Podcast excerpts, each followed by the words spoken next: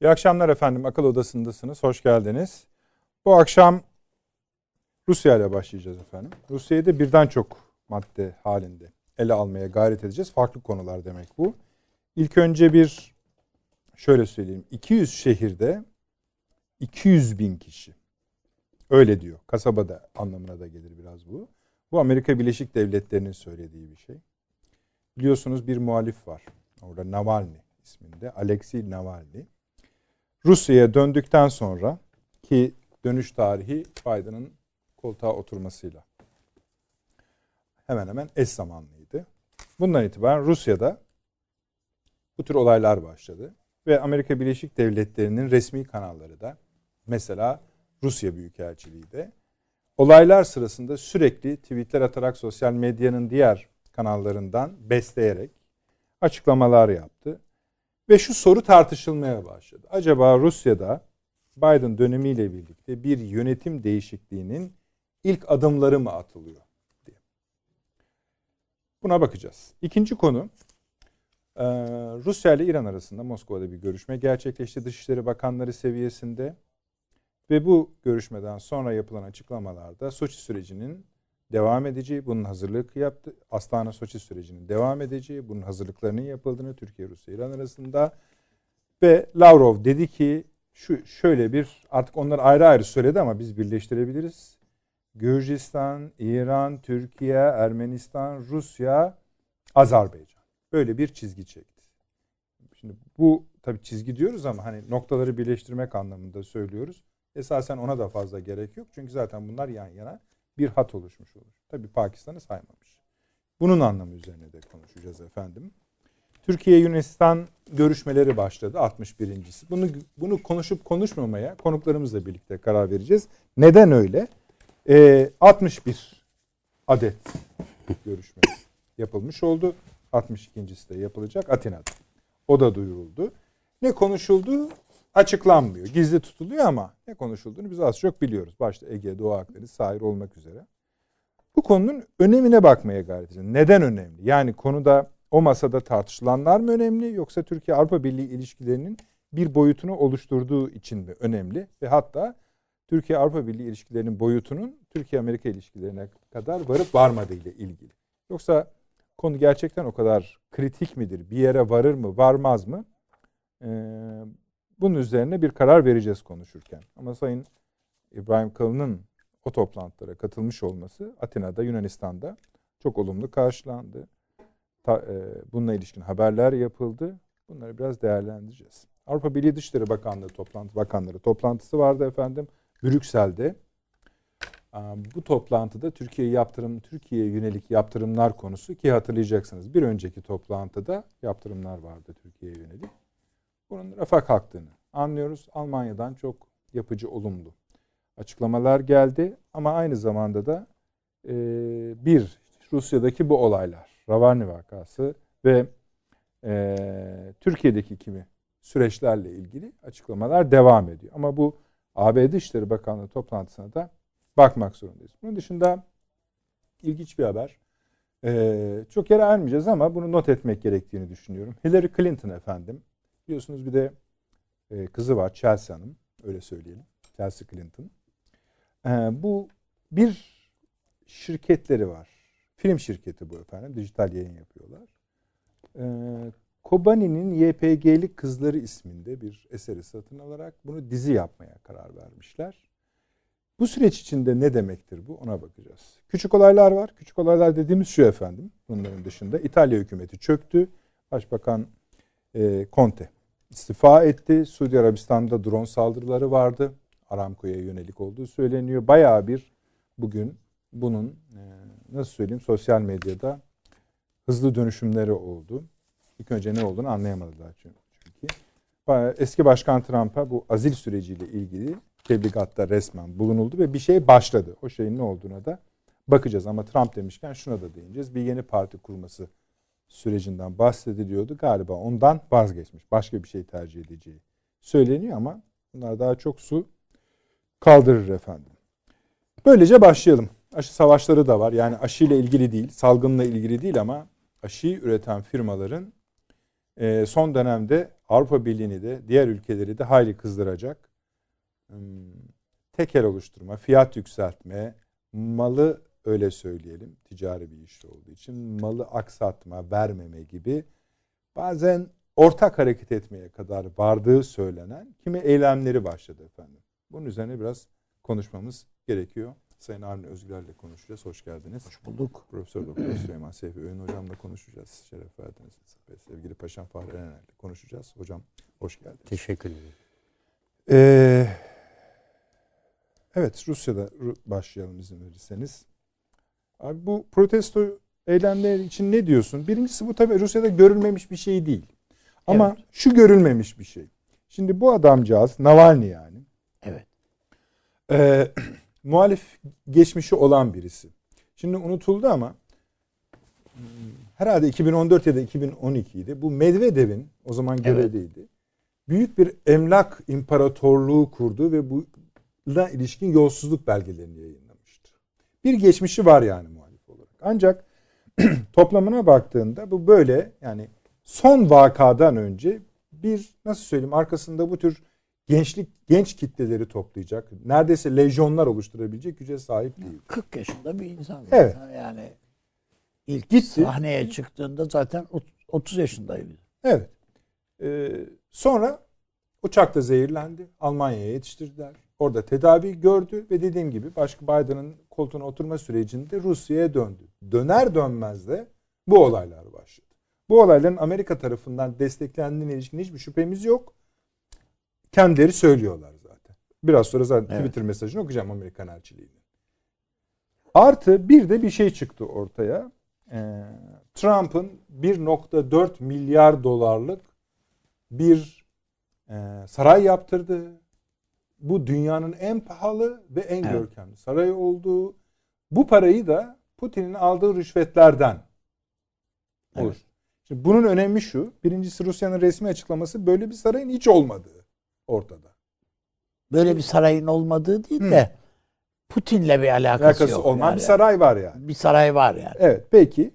Ee, bunu yani, yani yalanlıyor. İkincisi e, bunun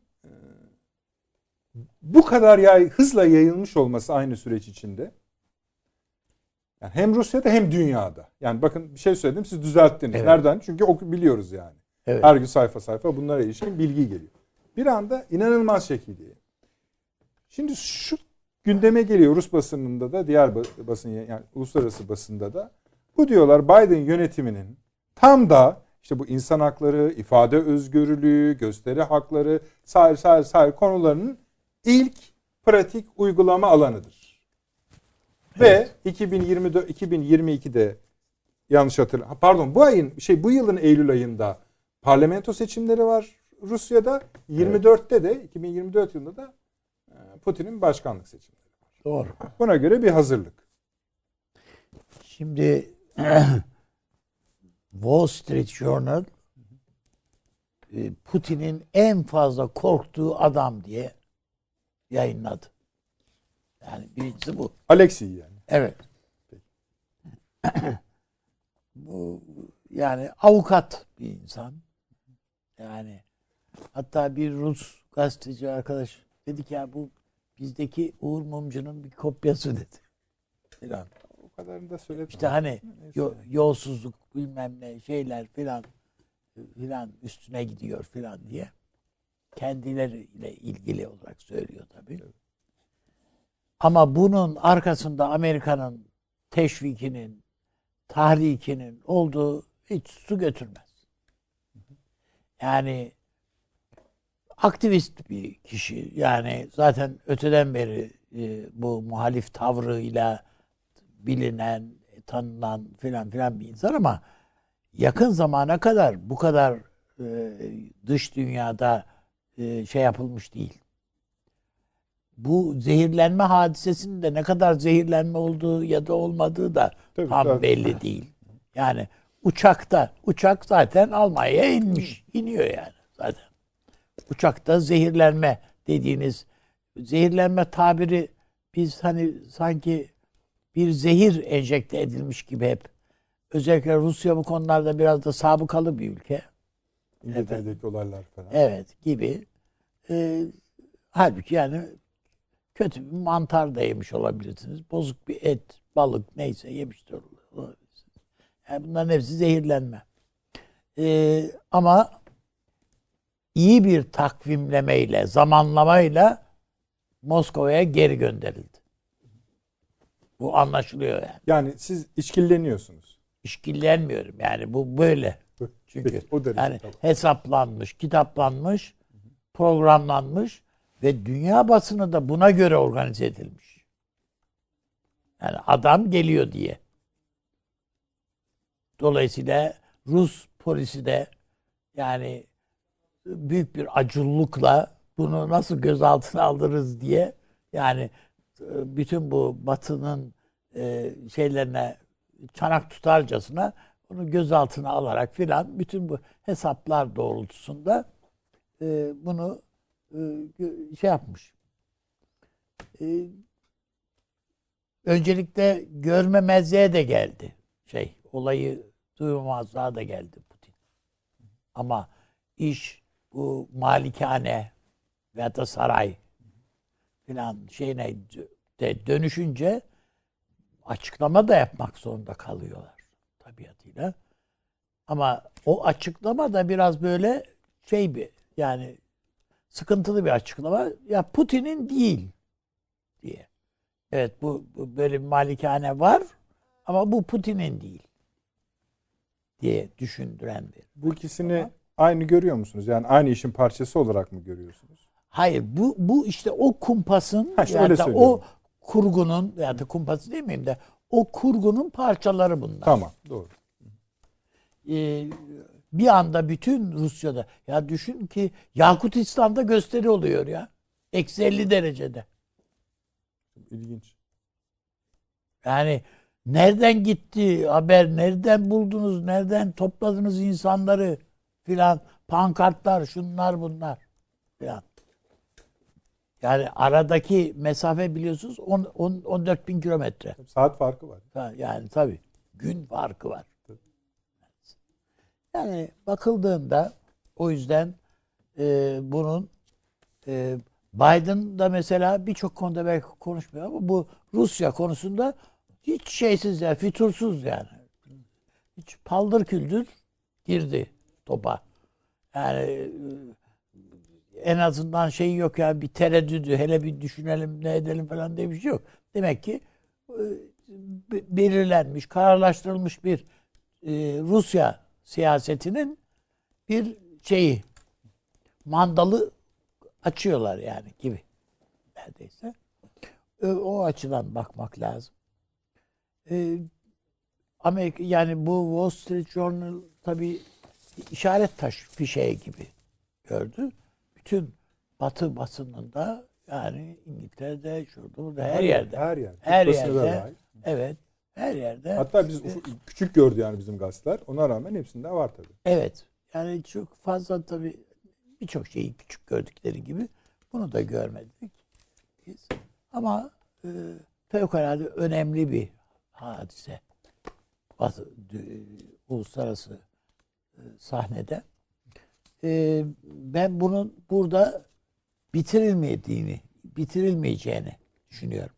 Ha bununla sonuç alınır mı bu e, bu avukat sonuç alır mı? Çünkü bir siyasi evet e, siyaset yapıyor bir şekilde ama öyle bir parti, seçim, aday falan ay böyle bir şey yok yani. Şu anda en azından görünen şeyinde o yok.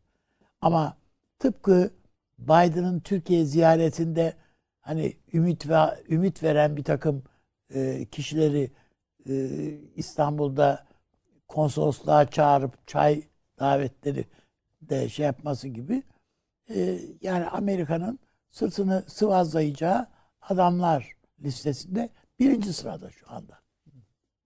Yani bu, bunu aslında bir girizgah kabul edebiliriz. Yani ta- adam tabii, tabii. oturduğunun Ha. birinci günü. Ma- Evet daha öyle. Hani kağıt oyununda video dediğiniz gibi bir şey yani. Bu ve ben e, bunun burada bitmeyeceğini düşünüyorum.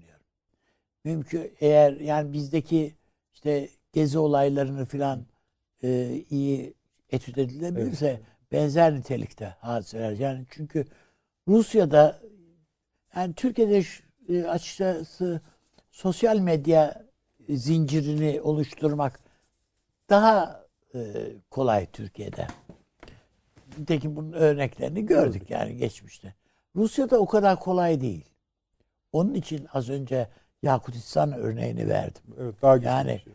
Doğru. Nasıl ulaştınız? Nereden yani işi gücü bıraktı orada insanlar? Yani e, her şeyi buz dondurulmuş olarak yiyen insanlar, yiyebilen insanlar falan yani bunlar Yakutistan'da bir anda adamın nesi varsa bütün bildiriler, bildiriler hepsi çıktı ortaya. Yani bu o kadar onun için akla ziyan bir şey bunun tesadüfen olduğunu veya da bunun arkasında bir organizasyonun bulunmadığını düşünmek.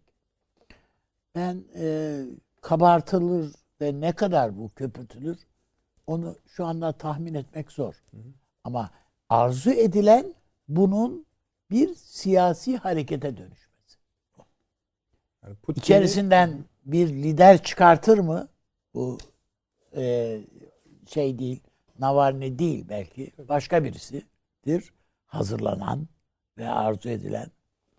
Belki e, Putin'e filan, Putin'le filan da Putin'i de biz hizaya çekecek bir aday falan belki onun iddia çok fazla homurdanmayacağı bir şey filana yı- yıkılabilir bu işler. Onun için e, bu hamurun daha çok e, su kaldıracağını düşünüyorum açıkçası. Yani siz e, hede, yani birden çok hedefi olabileceğini, bunlardan birisinin işte Putin'in gücünü rendelemek ve belki Evet yani ikincisi Putin seçimlere yönelik olabileceğini düşünmüyorsunuz o kadar. Çünkü bir daha lider za- görmek. Yani za- evet yani bir lider görmedi daha yani siyasi liderlik başka bir şey. Yani bir aktivist kişinin e, üstünden yönü götürmek e, yani bu bir valesa değil yani şu anda. Veyahut da bir valesa görebiliriz ama valesa'dan hiç ise bir siyasi lider çıkardılar. Bu öyle değil. Peki ben Süleyman Hocam size geçmeden şu e, tweetlerini okuyayım Amerikan elçiliğinin. Diyor ki mesela bir tanesinde şöyle diyor.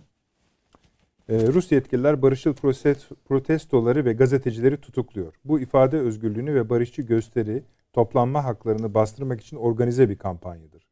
Son yıllarda sivil topluma, bağımsız medyaya ve siyasi muhalefete karşı baskıcı eylemler sürdürülüyor diyor ve bunu olaylar o sırasında atıyor bunları. Mesela bir bu bence daha da ilginç. Ee, Kremlin'in Amerikan elçiliğinin de bildirisi var. bu, bu, bu sosyal Ha, medyadan tamam. attıkları. Yani ve e, hayır şu manada a- o Moskova'da ya Rusya'da yaşayan Amerikan vatandaşlarına bir Ha, uyarısı o- var. işte onu ayrı alacağız. Ha, ayrı. Evet, o önemli. Bunu da okuyayım. Ee, Kremlin'in ee, evet Navalny'e yönelik saldırıları sadece ağır insan hakları ihlali değil, aynı zamanda seslerinin duyulmasını isteyen Rus halkına hakarettir. Biden ve Harris yönetimi demokrasi ve evrensel hakların savunucularını destekleyecektir. Bunu düşünün büyükelçilik atıyor. Şimdi Avni abinin dediği daha da ilginç. Muhtemelen Kremlin o yüzden Evet. tepesi attı. Kendi vatandaşlarına hani şuralara gitmeyin derken aslında haritalar yayınlıyor. Evet. Buralarda yapılacak, Yapılacak bu diye. gösteriler. Yani oraya gidin demek o. Evet. Yani artık ondan sonrası zaten fiilen o eyleme katılmak. Yani dik- Başka bir şey kalmıyor yani. Dikkatiniz oralarda olsun. Olsun Der. diyerek. Aslında bir de basına da söylenmiş bir şey o doğru. Tabii tabii tabii. E, e, Uluslararası basına işaretler verilmiş. Ondan sonra zaten şeye çağrıldı. Ee, Rus Dışişleri. Yani hoş geldin soğuk savaş. Öyle diyorsunuz. Yani bu bu ifadeleri yani isimleri değiştirebilirsiniz. Mesela ne bileyim Putin'i Stalin yapabilirsiniz. Brejnev yapabilirsiniz. İşte muhalefet liderlerinin isimlerini değiştir. O günkü işte muhalefet liderleri kimdiyse hatırlayan bile yok ya bugün. İşte onları koyabilirsiniz. Tipik bir soğuk savaş bildirgesidir bu. Bildirisidir affedersiniz. Ama şaşırtıcı mıdır? Değildir. Çünkü Biden'ı tahlil ederken e, çeşitli vesilelerle arz etmiş olduğum gibi e, bu bir küreselcilik cereyanı ile neokonların ittifakıdır. Neokonlar hiçbir zaman soğuk savaş ikliminden zihinlerini azat etmediler. Neokonların zaten varlık sebebi soğuk savaştır. Orada şekillenmişlerdir. Orada sosyalize olmuşlardır, toplumsallaşmışlardır. Ve dünyada hala oradan okuyorlardır. İhtiyaç var mıdır neokonluğa?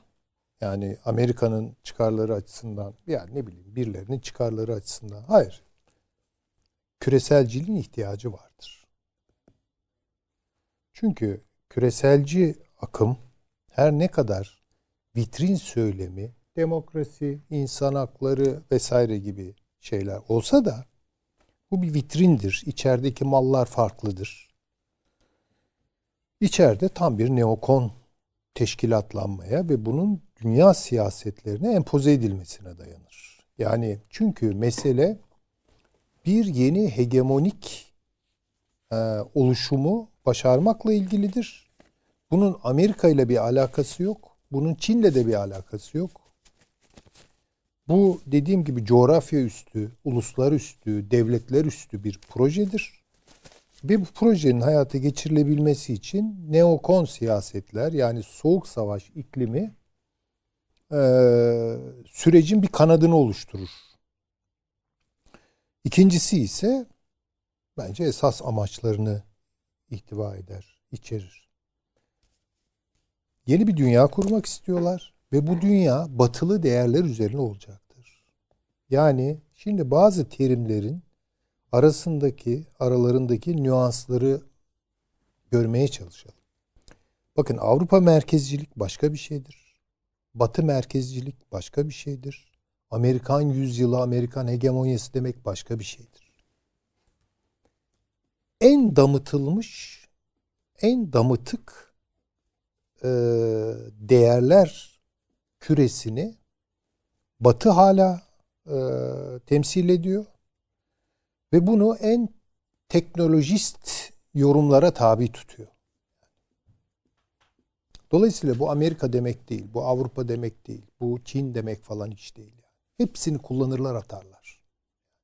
Önce onu bir kere tespit etmemiz lazım. Ama dönemsel olarak, konjonktürel olarak neokon siyasetleri kullanacaklar. Çünkü hegemonya iki ayaklı bir şeydir. Bir yerde dişinizi, pazunuzu, silahınızı göstereceksiniz. Öbür tarafta ise güzellemelerinizi yapacaksınız. İkisi birlikte işler. Şimdi bu tespitten sonra tabii ki Biden işte bu e, şeyin e, dünyanın adamıdır ve Amerika'nın adamı falan değildir. Ona verilmiş oylar Amerika'ya falan verilmiş oylar değildir. O perspektiften bakar ve o perspektiften baktığı zaman dünyadaki bir takım nev zuhur ve e, Amerikan hegemonyasının da istemediği ama küreselciliğin de kontrol etmek istediği bir takım networkler var.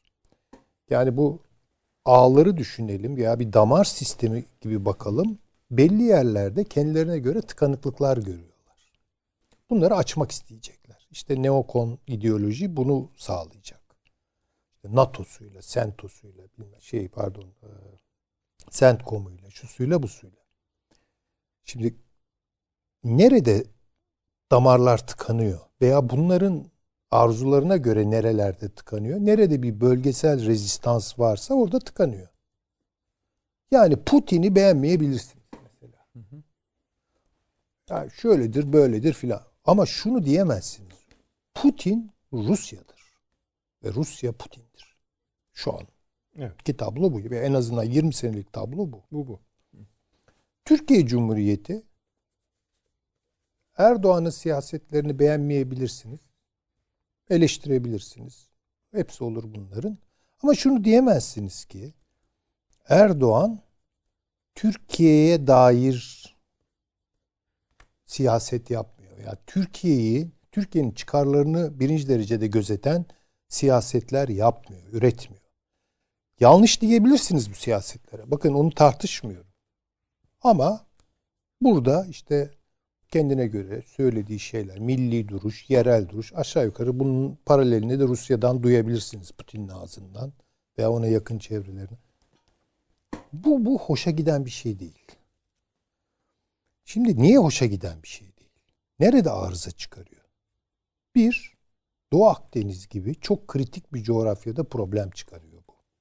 Karadeniz'de problem çıkarıyor. Hazar'da problem çıkarıyor. Dolayısıyla bu damarların açılması lazım.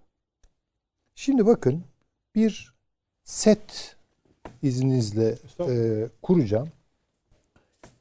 E, Biden seçildikten sonra işte onu bir tebrik edenler furyası var. Ve orada da böyle ilginç bir biçimde bir lig kuruldu yani. Kimler önce tebrik etti, atladı, kimler geri kaldı.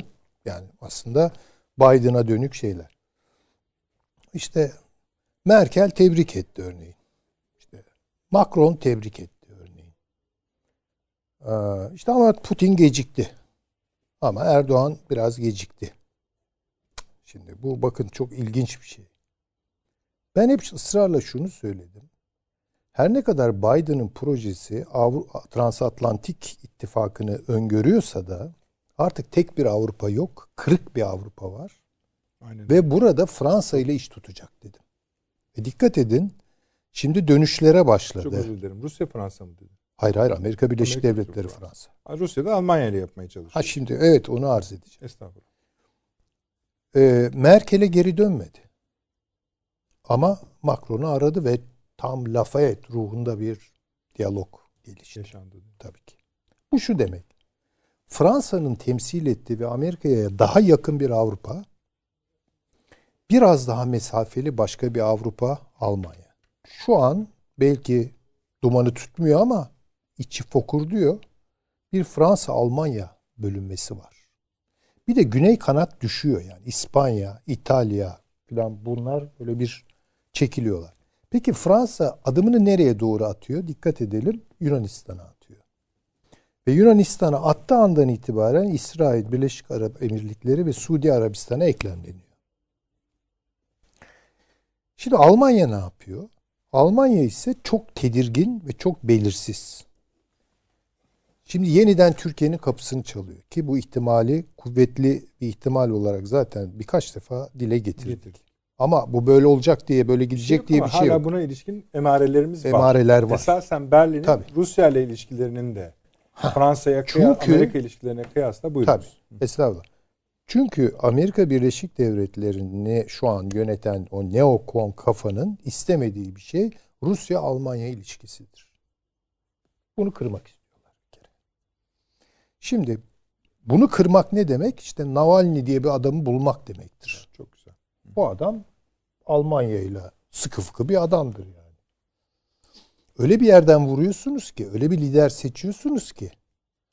Bakın böyle liderlerin şeyleri e, ne diyelim ona e, biyografileri, e, hayat hikayeleri, kariyerleri, işte yükselişleri filan böyle bir roman iyimserliğiyle filan okunmaz.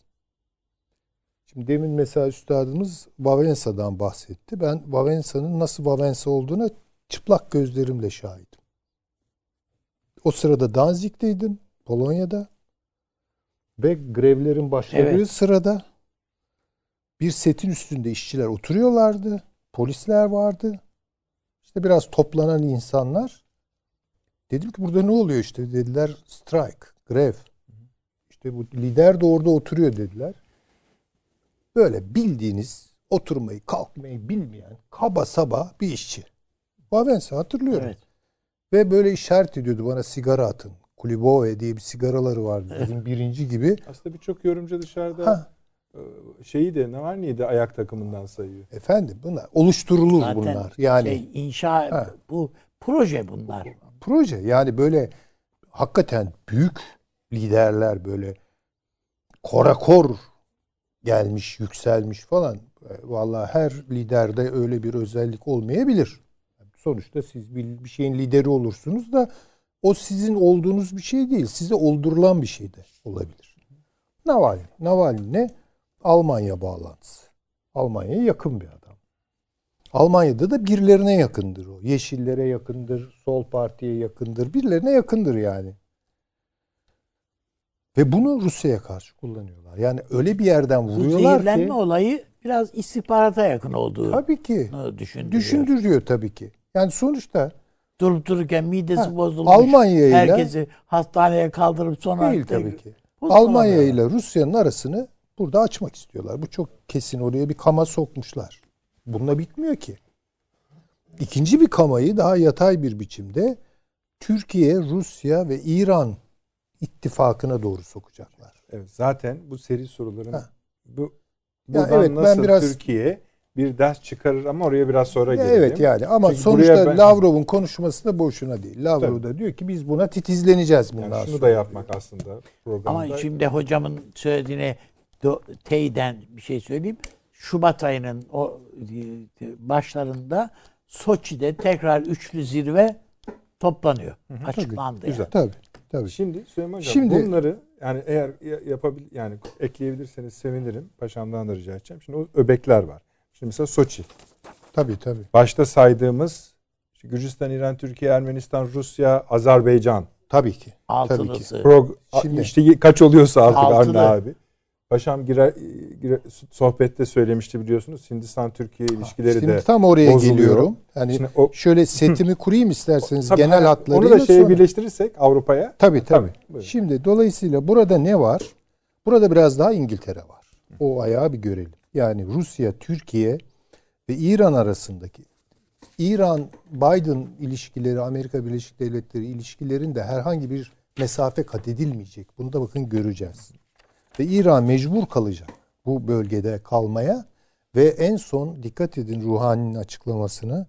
Ruhani'ydi yanılmıyorsam. Yanlış olabilir. Açıklamayı söyleyeyim belki oradan. Siz söyleyin. Ee, Azer- Azerbaycan'ın Karabağ'daki topraklarını kurtarmasını memnuniyetle karşılıyoruz. Hocam Cevat Zarif Özür dilerim. Cevat Zarif. Tabii, Cevat. yani. Ben Evet. yanıldım isimde. Özür dilerim. Şimdi hadi açık kapı bırakıyor yani. Ben buraya da ki mevzimi de kaybetmiyorum.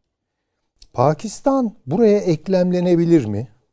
Yani Rusya, Türkiye, İran, işte diğerleri, Gürcistan, Ermenistan, Türkiye bu çerçeveye. Bu setler kolay kurulmaz yani. Çünkü Türkiye'nin Ermenistan'la problemi var. Azerbaycan, Gürcistan biliyorsunuz yeni Apayrı bir o da şey. ayrı bir şey. Ama Ermenistan konusunda Türkiye'nin olumlu Ha, açıklamaları ama oldu. tabii ama Evet. Rusya ile? Türkiye Tabii, tabii, tabii. burayı düzenleyecek. Ya belki de Ermenistan diyecek ki vallahi biz bu tip suçlamalardan vazgeçiyoruz. Türkiye'yi suçlamayacağız bundan sonra. 1915'i ikide bir karşınıza En getir azından diyebilir. raf, rafa kaldırdık Ha, yani, yani. tamam mı? Ya masada Bu- söylesin bu yeter. böyledir. Dışarıya Tabii ki. söylemesine de gerek. Gürcistan'a da denilecek kardeşim bak bu oyunlardan uzak dur. Yani burası e, bizim çöplük yani ve biz burada direneceğiz. Pakistan buna katılır mı katılmaz mı bilmiyorum. Rusya'nın bunda çekinceleri var. Evet çünkü Rusya e, şeyi hocam e, Pakistan'ı Amerikan irtibatını hala çok kuvvetli Kuvvetli görüyor. görüyor. Evet. Sorun evet. o. Yoksa aslında Tabii. Türkiye istiyor. Evet. E, ama şöyle bir şey var. Abi Pakistan'ın Amerikan irtibatı öyle kuvvetli bir irtibat falan değil yani.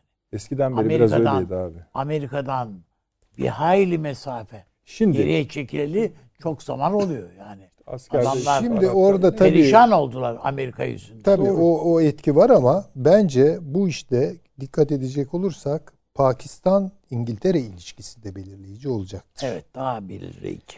Pakistan'la Hindistan arasında gerilimler artabilir ve dikkat edelim Hindistan hızlı bir biçimde bu Fransa ile başlayan Yunanistan, İsrail, Birleşik Arap Emirlikleri, Suudi Arabistan'ı içine alan ittifaka çiçek gönderiyor bugünlerde. Tabii Çin'i de eklemeniz Ha, gerekiyor. şimdi Pakistan'a. en son aşaması Ha, ise aslında bütün bunların Çin'in açılımlarıyla e, ilişkili tarafları Çin'le uzlaşacak yani bu adamlar. Ama Çin'i böyle de- terleterek yapacaklar bu işi. İnsan hakları, Uygur sorunu, yok bilmem işte Evet, Tibet evet. meselesi, insan hakları bilmem ne yani üstüne üstüne gidecekler orada. Ama bu hiçbir zaman böyle hadi çekelim silahları gibi biçiminde olmayacak. Dolayısıyla böyle hakimiyet kurmak yeniden, o hegemonyayı bu şekilde ayağa kaldırmak istiyorlar ve burada beraber izledik hatırlıyorsunuz üstadım ya konuşuyordu değil mi paşam şey e, Biden nihayet beklenen konuşma ya adam Kongre binası yanmış falan Rusya'dan bahsediyor. Tabii evet. İlk konuş, ilk cümlesi yani ya. hızını hızını alamadı yani. Yok hızı- burada tam hızını- onun altını çizdiğimiz Tabii, iyi oldu. tabii ki. Dolayısıyla böyle bir model var. Bu modelin içine koyarsak Rusya'da olup bitenleri e, daha iyi görebiliriz. Ama içe dönük analiz başka bir ko- yani sosyolojik bir boyutu var işin. O konuşulabilir. E, oraya Yok, ben şimdi Büyük resim meselesi tamamdır bence. Çünkü yani bunu çok daha uzatabiliriz. Çünkü bir sürü ülke sayıldığı için ve bir sürü ittifak sayıldığı için bunların her birinin içinde kendi dengeleri var. O ayrı bir konu. Sabah buluruz onlara girersek. tabii tabii. Ama yani bilinmediğimiz şeyler değil.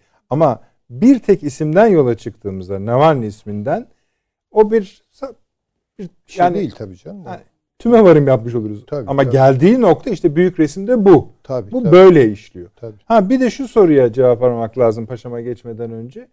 Şöyle konuşmalar oluyor. Efendim adam daha oturmadı bile yerine. İşte dünyada olan olaylar e, niye oraya fatura ediliyor? Şimdi esasen bu bayağı bir Ona çocuk fatura konuşma. ediliyor, onun şahsına fatura ediliyor değil, Değil. canım. Hah. Amerika'ya fatura, Fatura ediliyor. ediliyor. Yani Tabii, tabii, b- tabii. Biden burada öyle çok soran beyefendi ne yapalım diye soran eden de yok, Yok yani. yani, tabii. Mekanizma kendiliğinden çalışıyor zaten. Yani savunma bakanına kimin geldiğine bakarsan, Brett McGurk'ün görevine bakarsan, e yani miyav miyav da der sonunda diyorum Avni abi. Başka Evet. türlü olmaz yani. Öyle. Tabii ki. Tabii ki. Bir de şunu e, tekrar vurgulayıp Buyurun. paşamın e, söylediklerini e, merak ediyorum. Tabii kulak kabartmak istiyorum. E, bu İsrail-Amerika Birleşik Devletleri ilişkisi asla beklendiği gibi gerilimli, kavgalı falan olmayacak. E, Hatta ben bizim grubumuzda da paylaştım ya o atanan adamların bir kere hemen hemen Yahudi. Ta- ya, evet Yahudi. Şöyle bir şey. Çok ilginç bir şey değil mi? Hiç öyle bir şey. Ama Bayağı liste yani. tabii ki. Ama belki Trumpçı bir Yahudi oluşum varsa yani şeyde Amerika Birliği o orada bir kavga olabilir kendi içlerinde. Ama bu şeyi değiştirmez. Yani İsrail'in siyasetlerinin Amerika önüne geçecek. Onun aklediğine kara demeye başlayacak. Bir gerilim olacak, bir kavga olacak. Olsa bile hiç merak etmeyin bu bir kayıkçı kavgasıdır ve e, büyük bir ihtimalle İran'ı vurma potansiyeli taşıyor. Peki. Peki Süleyman Hocam. Paşam buyurunuz.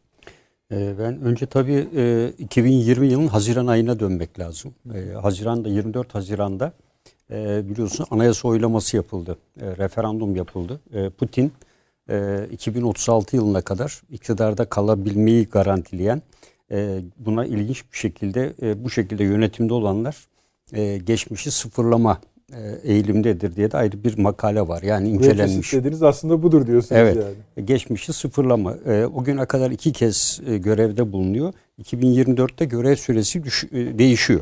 Ve birdenbire 6'şar yıllık iki dönem halinde 2036'ya e, kadar uzatılmış oluyor.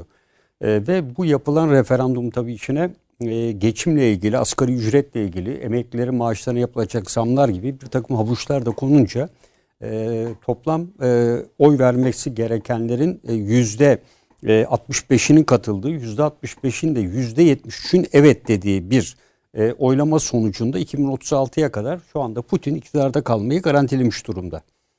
E, ve bu e, referandum Navalny üzerinde şu anda resmi açıklaması yok benim bildiğim kadarıyla. Aday olay 2024 olacağım için şöyle Ha. 2024 geldiğinde düşünürüz diyor. E, Tabii ay Ee, Rus, yani Rus Yani. televizyonu yaptığı e, röportajda bunu söylüyor. Ve bunu Navalny e, protesto ediyor taraftarlarıyla. Yani %65 dersek %35'lik falan bir kısım olabilir. Belki yani %25 de olabilir. E, bu Navalny tarafları seçime gitmiyor. E, seçimde hile karıştırıldı vesaire ilgili birçok tespitler var ama Yüksek Seçim Kurulu oranında böyle bir şey görülmedi şeklinde ifade ediyor. E, burada e, birinci konu bu. Yani e, Navalny e, bu tarihten itibaren e, giderek e, kamuoyunda e, Putin'in e, bunu garantilemesi konusu uzun zamandır Amerika şeyde Rusya içinde işlenmeye Başladı. başlandı. E, ikinci konu e, bugün katılanların protestoya katılanların yapılan istatistik verileri var. Büyük bir kısmı Z kuşağı. Yani Z kuşağının gençler. e, gençler yani Z kuşağı dikkate alındığında bunların Putin'in askeri yöntemlerinden bugüne kadar doğalgaz, e, hidrokarbon açısından zengin olan bir ülkenin yakın çevre doktrini kapsamındaki gençlerin bunlarla da hiçbir ilgisi olmadığı görülüyor. İki şeyden dem vuruyorlar. Bir, bizim refah seviyemiz internet üzerinden baktığımız benzeri ülkelere göre niye geri diyorlar? İkincisi fakirlikte biz hızla aşağı doğru düşüyoruz diyorlar ve altyapı korkunç kötü. Üniversiteler, ARGE çalışmaları vesaire gibi şeyler e, son derece kötü diyorlar ve bu açıdan da Z kuşağının ki burada gösterilerde de hep ön planda olanları görüyoruz. Hep gençler e, ön planda. E, bunun giderek dalga dalga yayılmasından endişe ediliyor. Ancak e, Rusya bir yeni bir e, kadife devrim veya benzeri bir devrim yaşayabilir mi derseniz Rusya'nın geçmiş tarihini incelediğimizde bu tür devrimlerin veya benzeri olayların çok kanlı bastırıldığını Evet. 1905 yılında bin işçinin öldürüldüğü bir süreç var. Da o zamanlardan günümüze kadar incelendiğinde e, ve bunların hepsi Kremlin'de ve Beyaz Saray'ın önünde üstelik e, barışçıl amaçlı gösteri yapmak üzere gelirken ellerinde hiçbir şey yokken tanklarla ve toplarla açılan saldırılarla. Rusya'nın kurumsal yapısı son derece sağlamdır. Öyle. Ee, özellikle güvenlik bürokrasisi ve diğerleri ve taşra şey, teşkilatı ve e, istihbarat yapısı çok güçlüdür. E, Rusya'da e, bu şekilde e, bir değişimin olabileceğini pek değerlendirmiyorum açıkçası. Çünkü e, Rusya'nın güvenlik bürokrasisi hakikaten e, çok etkili ve bir de e, az bir şey değil. Yani Putin de eğer kendi taraftarlarını Belarus'ta falan olduğu gibi e, çağırsaydı e, çok farklı boyutlara çıkabilirdi. Yani bunu yapmadı ve az da değil yani %65'in %73'ü bir öncekinde oy veren hadi %50 %50 diyelim yani baktığınız zaman da e, Putin'in de arkasında aynı Trump'ı nasıl 173 milyon oy, oy aldıysa e, Putin de e, benzeri bir e, daha da fazla bir oya e, sahip olduğunu düşünüyorum. E, bunun dışında tabii e, Almanya'nın e, bu Navalny'yi vermesi e, son derece önemli. E, bence e, buraya vermesiyle birlikte e, Trump e, üzerindeki Almanya'nın e, baskı kalkmasıyla birlikte e, bence e, bir iyi niyet jesti gibi de görülebilir. Yani e, Navalny'nin buraya e, verilmesi ve birdenbire verilmesi. E, çünkü e, Almanya ile Rusya arasındaki e, ilişkilerde özellikle Almanya'nın, Amerika'nın, e, Biden'ın tekrar Paris İklim Anlaşması'na dönecek olması bu Rockefeller e, destekli enerji şirketleri Rusya ile ve bu bölgelerde yatırım yapmaktan vazgeçmişlerdi. Çünkü küresel iklim anlaşması bizi ciddi şekilde etkiliyor diyorlardı. Şimdi tekrar bu yatırım e, hususunda e, e, işe başladıkları takdirde e, bu esasında e, Almanya'nın Kuzey Akım 2 projesinin tamamlanmasını ve diğer yatırımların da Önemli. hızlanmasını sağlayacak. Bu Kuzey Akım 2 devreye girerse ki Avrupa açısından önemli. E, çünkü Avrupa şu anda gaz ihtiyacının yüzde 40'ını Rusya'dan yüzde 20'sini Norveç'ten karşılıyor. E, bu neden ve Amerika'nın e, sıvılaştırılmış doğalgaz ihtiyacı son derece düşük rakamlar üzerinde. E, mesela dediler ki işte İngiltere gidince bu rakam böyle miydi? Hayır İngiltere Rusya'dan yüzde bir ihtiyacını karşılıyordu. Yüzde bir. O daha ziyade Katar ve Orta Doğu merkezli bu ihtiyacını karşılıyordu. Bir değişiklik olmadı yani Avrupa Birliği'nin.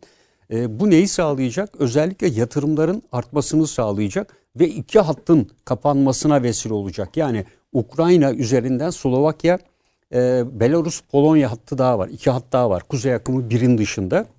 Bu Kuzey Akım 2 uzun süre Danimarka üzerinde ve Polonya'da baskı sağlamıştı Amerika ve bu hat durmuştu. Ve e, birkaç ay evvel birdenbire hat hızlandı ve yapılmaya başlandı. Amerika'nın açık itirazlarına rağmen. Evet. Yani e, Al- yani- hatta Almanya'ya baskısına rağmen Almanya'ya kusura bakma bu iş böyle olacak deyip devam Evet. etti. Zaten analizlerin bir kısmı da oradan da Oradan, besleniyor. tabii. Evet bir de e, Norveç'in e, ürettiği doğalgaza zam yapıldı. Yani e, bu çok yüksek olmamakla birlikte Norveç kaynaklı ki Norveç'te harcamaların varlık fonunu özellikle Rusya merkezli duvar örerek bir takım sistemler yaparak geliştirdiği için harcamalarını arttırmış durumda. E, ve e, o da zam yapınca e, dediler ki bizim Kuzey Akım 2'ye kesinlikle ihtiyacımız var. Bir de e, Biden'ın da bu e, iklim anlaşmasına geri dönme konusundaki kararlılığı da ortaya konulunca e, dolayısıyla esasında bir Rus, iki Alman, bir Hollanda ve bir sanırım Belçikalı şirketten oluşan bir konsorsiyum var.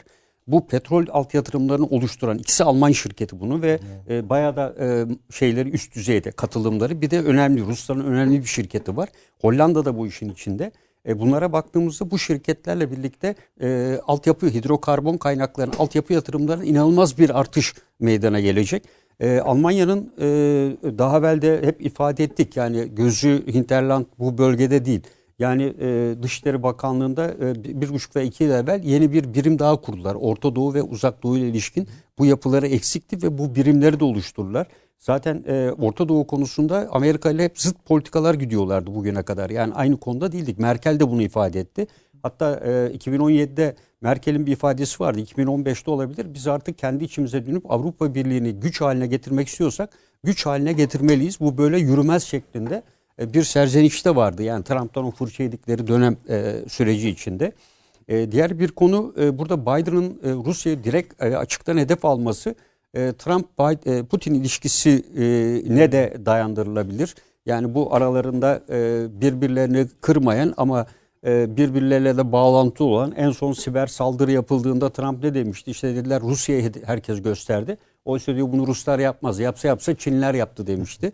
E, dolayısıyla e, Biden'ın burada söylemleriyle politikasını netleştirdiğini, bunu yaparken de esasında Trump'ın imzaladığı Pentagon bütçesindeki e, Rusya'ya karşı kurulan Avrupa inisiyatifine de güç vermek istediğini söyledi.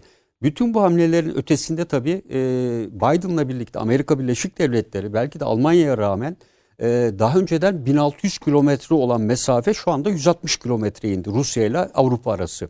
Bu 160 kilometreyi tekrar açabilme e, heves varusundalar. Ama e, Rusya'yı kendi iç meselelere daha fazla oyalayarak yakın çevreden tabiri caizse kendi iç bahçesine doğru çekme hareketleri olduğunu düşünüyorum. E, burada e, Belarus, e, Ukrayna, e, Moldova ve bu bölgelerden daha geri adım atmasını zorlayacak. Çünkü buralara doğru gittikçe hala 50 dolar civarında sanırım Brent petrol. Çok ciddi altyapı eksiklikleri var ama sürekli füze atışları, testleri devam ediyor. Bence bu zamanlamada ikinci bir konu da dün itibariyle özellikle Haseke bölgesinde Rusların giderek etkisini arttıracak güç nakilleri başladı. Askeri. Askeri evet. E, ve burada e, Suriye Demokratik Gücü denilen PKK'lı teröristlerle, e, rejim güçleriyle e, görüşmeler var. Ama iki gündür e, özellikle Suriye Demokratik Güçleri denilen yapıyla e, Rusya arasında e, yetkililer arasında görüşmeler sürüyor. Ve buraya da e, önemli bir miktarda askeri polisleriyle personel ve malzeme naklinde bulundular. Yani Rusya artık e, Fırat'ın doğusunda da kalıcı hale gelmeye başladı. E, ve e, bu konuda da e, Amerika'nın vekili olan e, PKK'ya ciddi bir biçimde göz kırpıyor. E, bu süreç e, aynı zamanda e, Erbil'in hep dedik ya Irak'ın kuzeyinde de aynı problem var. Çok ciddi yatırımlarda bulunmuş. Bunun miktarı da var ama şu anda yanında yok. E, baktığınız zaman esasında e, e, Kürt e, koridoru dediğimiz terör koridorunun oluşmasını sanki Rusya halledecek gibi gözüküyor. Yani e, Rusya'nın Erbil hükümetiyle yaptığı anlaşmaların boyutları çok yüksek. Aynı zamanda merkezi Irak hükümetiyle yaptığı anlaşmaların boyutları da çok yüksek. Bütün bunlara baktığımızda evet burada askeri güç anlamında yok ama e, 2017 yılında 18 yılında e, Rusya e, o zamanki Irak hükümetine şu öneride bulunuyor. İç olaylar arttığında DAEŞ'le mücadeleyi bize bırakın önerisi getiriyor. İstediğiniz kadar silah sistemleri size takviye edelim diyorlar. Fakat o süreçte bunlar e, oluşmuyor ama birçok askeri malzeme satışlarını yine de gerçekleştiriyorlar. Bu arada Ee, devam edin paşam. evet. Bir son dakika gelişmesini Tabii. verelim. Biraz önce e, Vladimir Putin'le Joe Biden bir telefon görüşmesi gerçekleştirdiler. Bu görüşmede Start 3 anlaşmasını uzatmayı kabul ettiler. Evet. Evet. Bu, Bu bu tabii, işler böyle yürür. Tabii. Ama evet. bu biraz önce bizim çizdiğimiz büyük resmi halel ve hiç getirmiyor. E, tabii yani bu e, dünyanın merakla beklediği bir konuydu. Yani 2021 Çünkü evet. Evet esasında 2021'in bir Start 3 bir de ikincisi biyolojik silahlarla ilgili e, de bir görüşmenin yapılması gereken bir yıldır 2021. Yani iki açıdan son derece önemli nükleer ve biyolojik silahlar açısından. E, bu tabii e, Putin'in istediği şeydi biliyorsunuz ama e, Amerika ısrarla Çin'i dahil etmek istiyordu bu sisteme. E, Çin'de bu sizin ikinizin arasındaki sorun benim bunda işim yok diyordu. E, ve bu da tabii kabul edilmiş olması esasında nükleer e, silahsızlanma açısından veya sınırlandırılması. Yani Çinsiz, Çinsiz, olarak evet. Çinsiz. Yani Çin'de Evet, bu, Çin- bunu başarmış oldu esas. Evet yani bu tabii e, Çin'in Çin'le başarmış oldu yani esasında. Yani buradan esas kazanç çıkan bence Çin. İşte ben de onu Evet, söylüyorum. tabii, tabii. Yani Çin'de başarmış oldu. E, Çin'de başarmış oldu. E, Putin de hedefine ulaştı. En azından e, bir sınırlandırma var. Ve bu süreç içinde Putin zaten hipersonik füzelerle yapacağı şeyleri yaptı yani bu e, süreç içinde.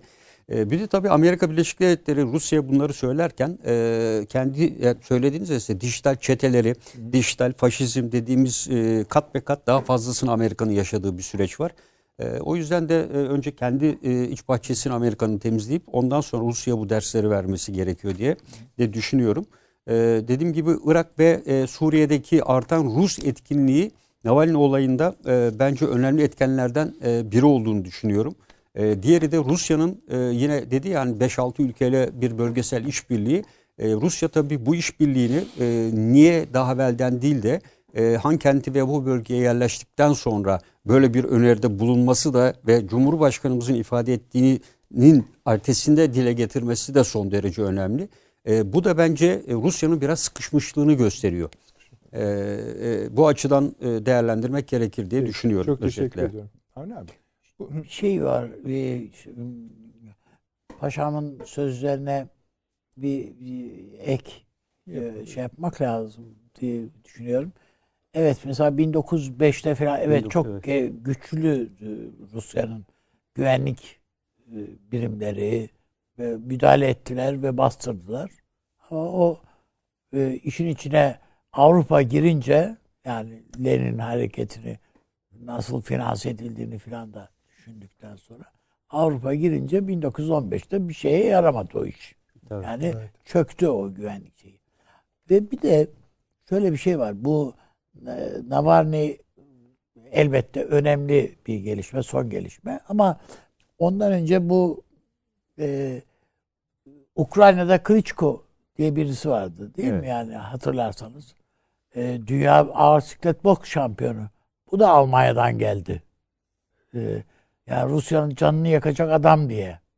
Yani hesaplandı. E, adam o kadar şey ki yani karısı, çocuğu, çocuğu hepsi Alman vatandaşı zaten. Almanya'da kaldılar. Orada yani evi evi, evi barkı da orada ya da adam Ukrayna'ya taşınmadı bile yani. Kiev öylesine oturuyor falan. Seçimlere 2015'te seçimlere de katılacağını açıkladıydı falan. Ama işte Rusya onu bastırdı bir şekilde. Ama benzer şeyler hep Almanya üzerinden filan geliyor yani bu. Peki. Ee, onun için çok hayır alamet olmayabilir. Ha bastırılmaz mı? Bastırılır. Ama sonsuza kadar bunları bastırmak imkanı Yok. biraz zor. Peki e, Amerika Birleşik Devletleri'nin müstakbel dış politikası ve küresel güvenlik anlayışı içinde bu bir örnek ise ve Türkiye'ye yönelik pozitif negatif fark etmez Evet. söylemlerini de hatırlarsak, atamaları da Evet. hatırlarsak buradan çıkarması gereken bir ders var mı Ankara'nın? Şimdi şu bu e, Suriye'de koalisyon DAEŞ'e karşı koalisyon güçlerinin bir komutanı var. Yani değil mi? E, Uluslararası koalisyon güçlerinin bir komutanı var. Wayne Morrow Evet. yanlış hatırlamıyorsam. O e, bugün e, yaptığı bir açıklama var. Kobani'nin diyor DAEŞ'tan kurtarılmasının yıl dönümünde bu kurtarılma operasyonuna önderlik eden DAEŞ şey e, PYD e, kadrolarını tebrik ediyorum falan diye böyle bir açıklaması var. E, onları kutluyor. Bir kutlama mesajı yayınladı bugün. Yani düşünün. Türkiye'nin üstüne basa basa bu efendim aynı arabı kurtaracağız diye değil mi? Evet. Ee, Türkiye'ye hudut, hududu açtırdılar. Oradan e, peşmerge geçirmesini sağladılar. Şu bu. Yani bunlar DAEŞ'ı temiz, tepelemiş oluyorlar. Ve adam da bugün o bütün o operasyonu e, şey yapmış, izlemiş olan insan bugün diyor ki efendim bu işi işte bu PYD'liler başardı. E, SDP'liler başardı. işte Suriye Demokratik e, efendim güçleri başardı. Bunları kutluyorum diyor. Birincisi bunu bilmemiz lazım. Bu bizim için Amerika'nın Suriye'de nasıl bakacak, baktığının işareti. Ama Amerika'nın şimdi görevden ayrılmış eski Şam Büyükelçisi, son, daha doğrusu son Şam, Büyü, Şam Büyükelçisi. Bugün e, ajanslardan geldiydi. O da diyor ki Amerika'nın Suriye politikası yanlıştı. Bugün de batağa saplanmış vaziyette. Derhal bunu değiştirmek lazım. Amerika Türkiye'ye daha fazla güvenmeli. diye bir açıklaması var bugün. Amerika bu diplomatlarının görüşlerine itibar mı eder? Yoksa o e, işte asker köken işte bu e, müşterek işte o koalisyon komutanının görüşüne mi itibar eder? Onu bilemeyiz. Bilemeyiz değil. Esasında görünen işaretler o ki e, Pentagon'un görüşleri e, çok hayra alamet Değil. evet hayır Değil. ha, Biz, şeyler bu değil. soruma bu cevabı verdiğinize göre Evet. yani Naval e, Türkiye'nin Navalny'sini siz güneyde görüyorsunuz. Ben hayır. Onu e, Sen güneyde bir şey gördüğüm yok. Hı hı. Ee, yani daha ziyade Türkiye'de de güvenlikçi politikaları biraz daha baskın kılarak e, efendim bunu Avrupa'yı bu, bununla etkilemek istiyorlar e, diye düşünüyorum. Ama Allah'tan yani bu Almanya bu tuzağa düşmedi açıkçası. Ee, ve e, Türkiye'ye yaptırım kararlarını Avrupa Birliği Dışişleri Bakanları zirvesinde Konuşacağız abi. reddettiler. Konuş. Yani bu ama bu çizgide tutal, tutulur mu? Konuşalım. Çok daha uzun Konuş. bir süre. O, onu konuşalım. Konuşalım çünkü bir reklamlara gideceğiz. Kısa bir Evet. reklam efendim. Ee, tatlı tarafına daha gelmedik. Birazdan geleceğiz. Ee, ayrılmayın lütfen. Bir dakika reklam arası. Haberin sosyal medyası gzt.com sizi çok farklı bir okuyucu deneyimine davet ediyor. Merak ettiğiniz sorular yanıt buluyor, henüz duymadığınız şaşırtıcı konularsa karşınıza geliyor. Yorumlarınıza editörler cevap veriyor, arkadaşlarınızla paylaşmak isteyeceğiniz eğlenceli içerikler hazırlanıyor. Sizler için kamera karşısına geçiliyor ve olaylar sıkmadan ve anlaşılır şekilde anlatılıyor. Özel infografikler, videoların yanı sıra burada sayamayacağımız sayıda farklı dergiler. Şimdi telefon ekranınızı daha da anlamlandırmak için sizi davet ediyoruz. GZT uygulamasına iOS ve Android marketlerden kolaylıkla erişebilir, pişman olmazsınız. Mutlaka indirin. Reklam arası sona erdi. Evet efendim döndük. Akıl odası devam ediyor. Ee, şimdi Süleyman Hocam aynı soruyu size de soracağım ama bir şey daha eklemenizi Buyurun. rica edeceğim. Yani buradan Türkiye'ye çıkarılacak bir ders var mıdır? Biz en çok onu arıyoruz. Yani Amerikan politikalarının Türkiye'ye yönelik yüzünü netlemeye çalışıyoruz. Şimdi mesela Avni Bey şöyle bitirdi. Bu Pentagon işinden ben pek hoşlanmıyorum diyerek bitirdi esasında. Bu bir. İkincisi Almanya Türkiye yani Almanya Türkiye değil ama hani tezahür eden, ekrana yansıyan aslında Avrupa Birliği Türkiye. Bu Almanya Türkiye yakınlaşmasında bu boyutu görüyor musunuz? Şimdi şöyle e, Almanya devleti bir yerlere yakınlaşıyorsa bunun çok maddi bir takım İzahları olmak lazım. olmak zorunda. E, bu dolayısıyla yani o o o maddi taraflarını işini anlamadan bu yakınlaşmayı tartmak ve Müşkil. e, gerçek sıkletiyle e, anlamak zorlaşır. E, ilk turda da söylediğim gibi Amerika şey Avrupa Birliği artık o kadar birlik değil. Almanya'nın e, pivotluğunda kurulmuş bir Avrupa Birliği, Fransa'nın daha çok geride kaldığı, ikinci adamlığı veya karakter rolünü üstlendiği bir tablo yok. Yani çünkü Almanya'da belli problemler var. Ciddi problemler var, ciddi riskler var ve Fransa bunu biliyor ve bir şekilde yeni bir Avrupa Birliği benim miğferimde, benim pivotluğumda kurulabilir mi? Bunun hesaplarını yapıyor ve ona göre elini belki kapasitesinin dışında bir yerlere de atabiliyor. Ha, Tabii işin içinde onun bir Afrika meselesi falan var. Yani Fransa'nın kafasındaki Avrupa Afrika'yı iliklerine kadar sömürmeye e, yakın bir Avrupa'dır. Yani bir tür anti Afrika Avrupa'dır onun kafasında. Oysa Almanya'nın başka hesapları var tabii ki. Başka doğrultuları var. Bir kere öncelikler konusunda farklılıklar var. Ve Almanya'nın Avrupa Birliği içindeki baskın rolünü Amerika Birleşik Devletleri'ndeki karar alıcılar da istemiyorlar.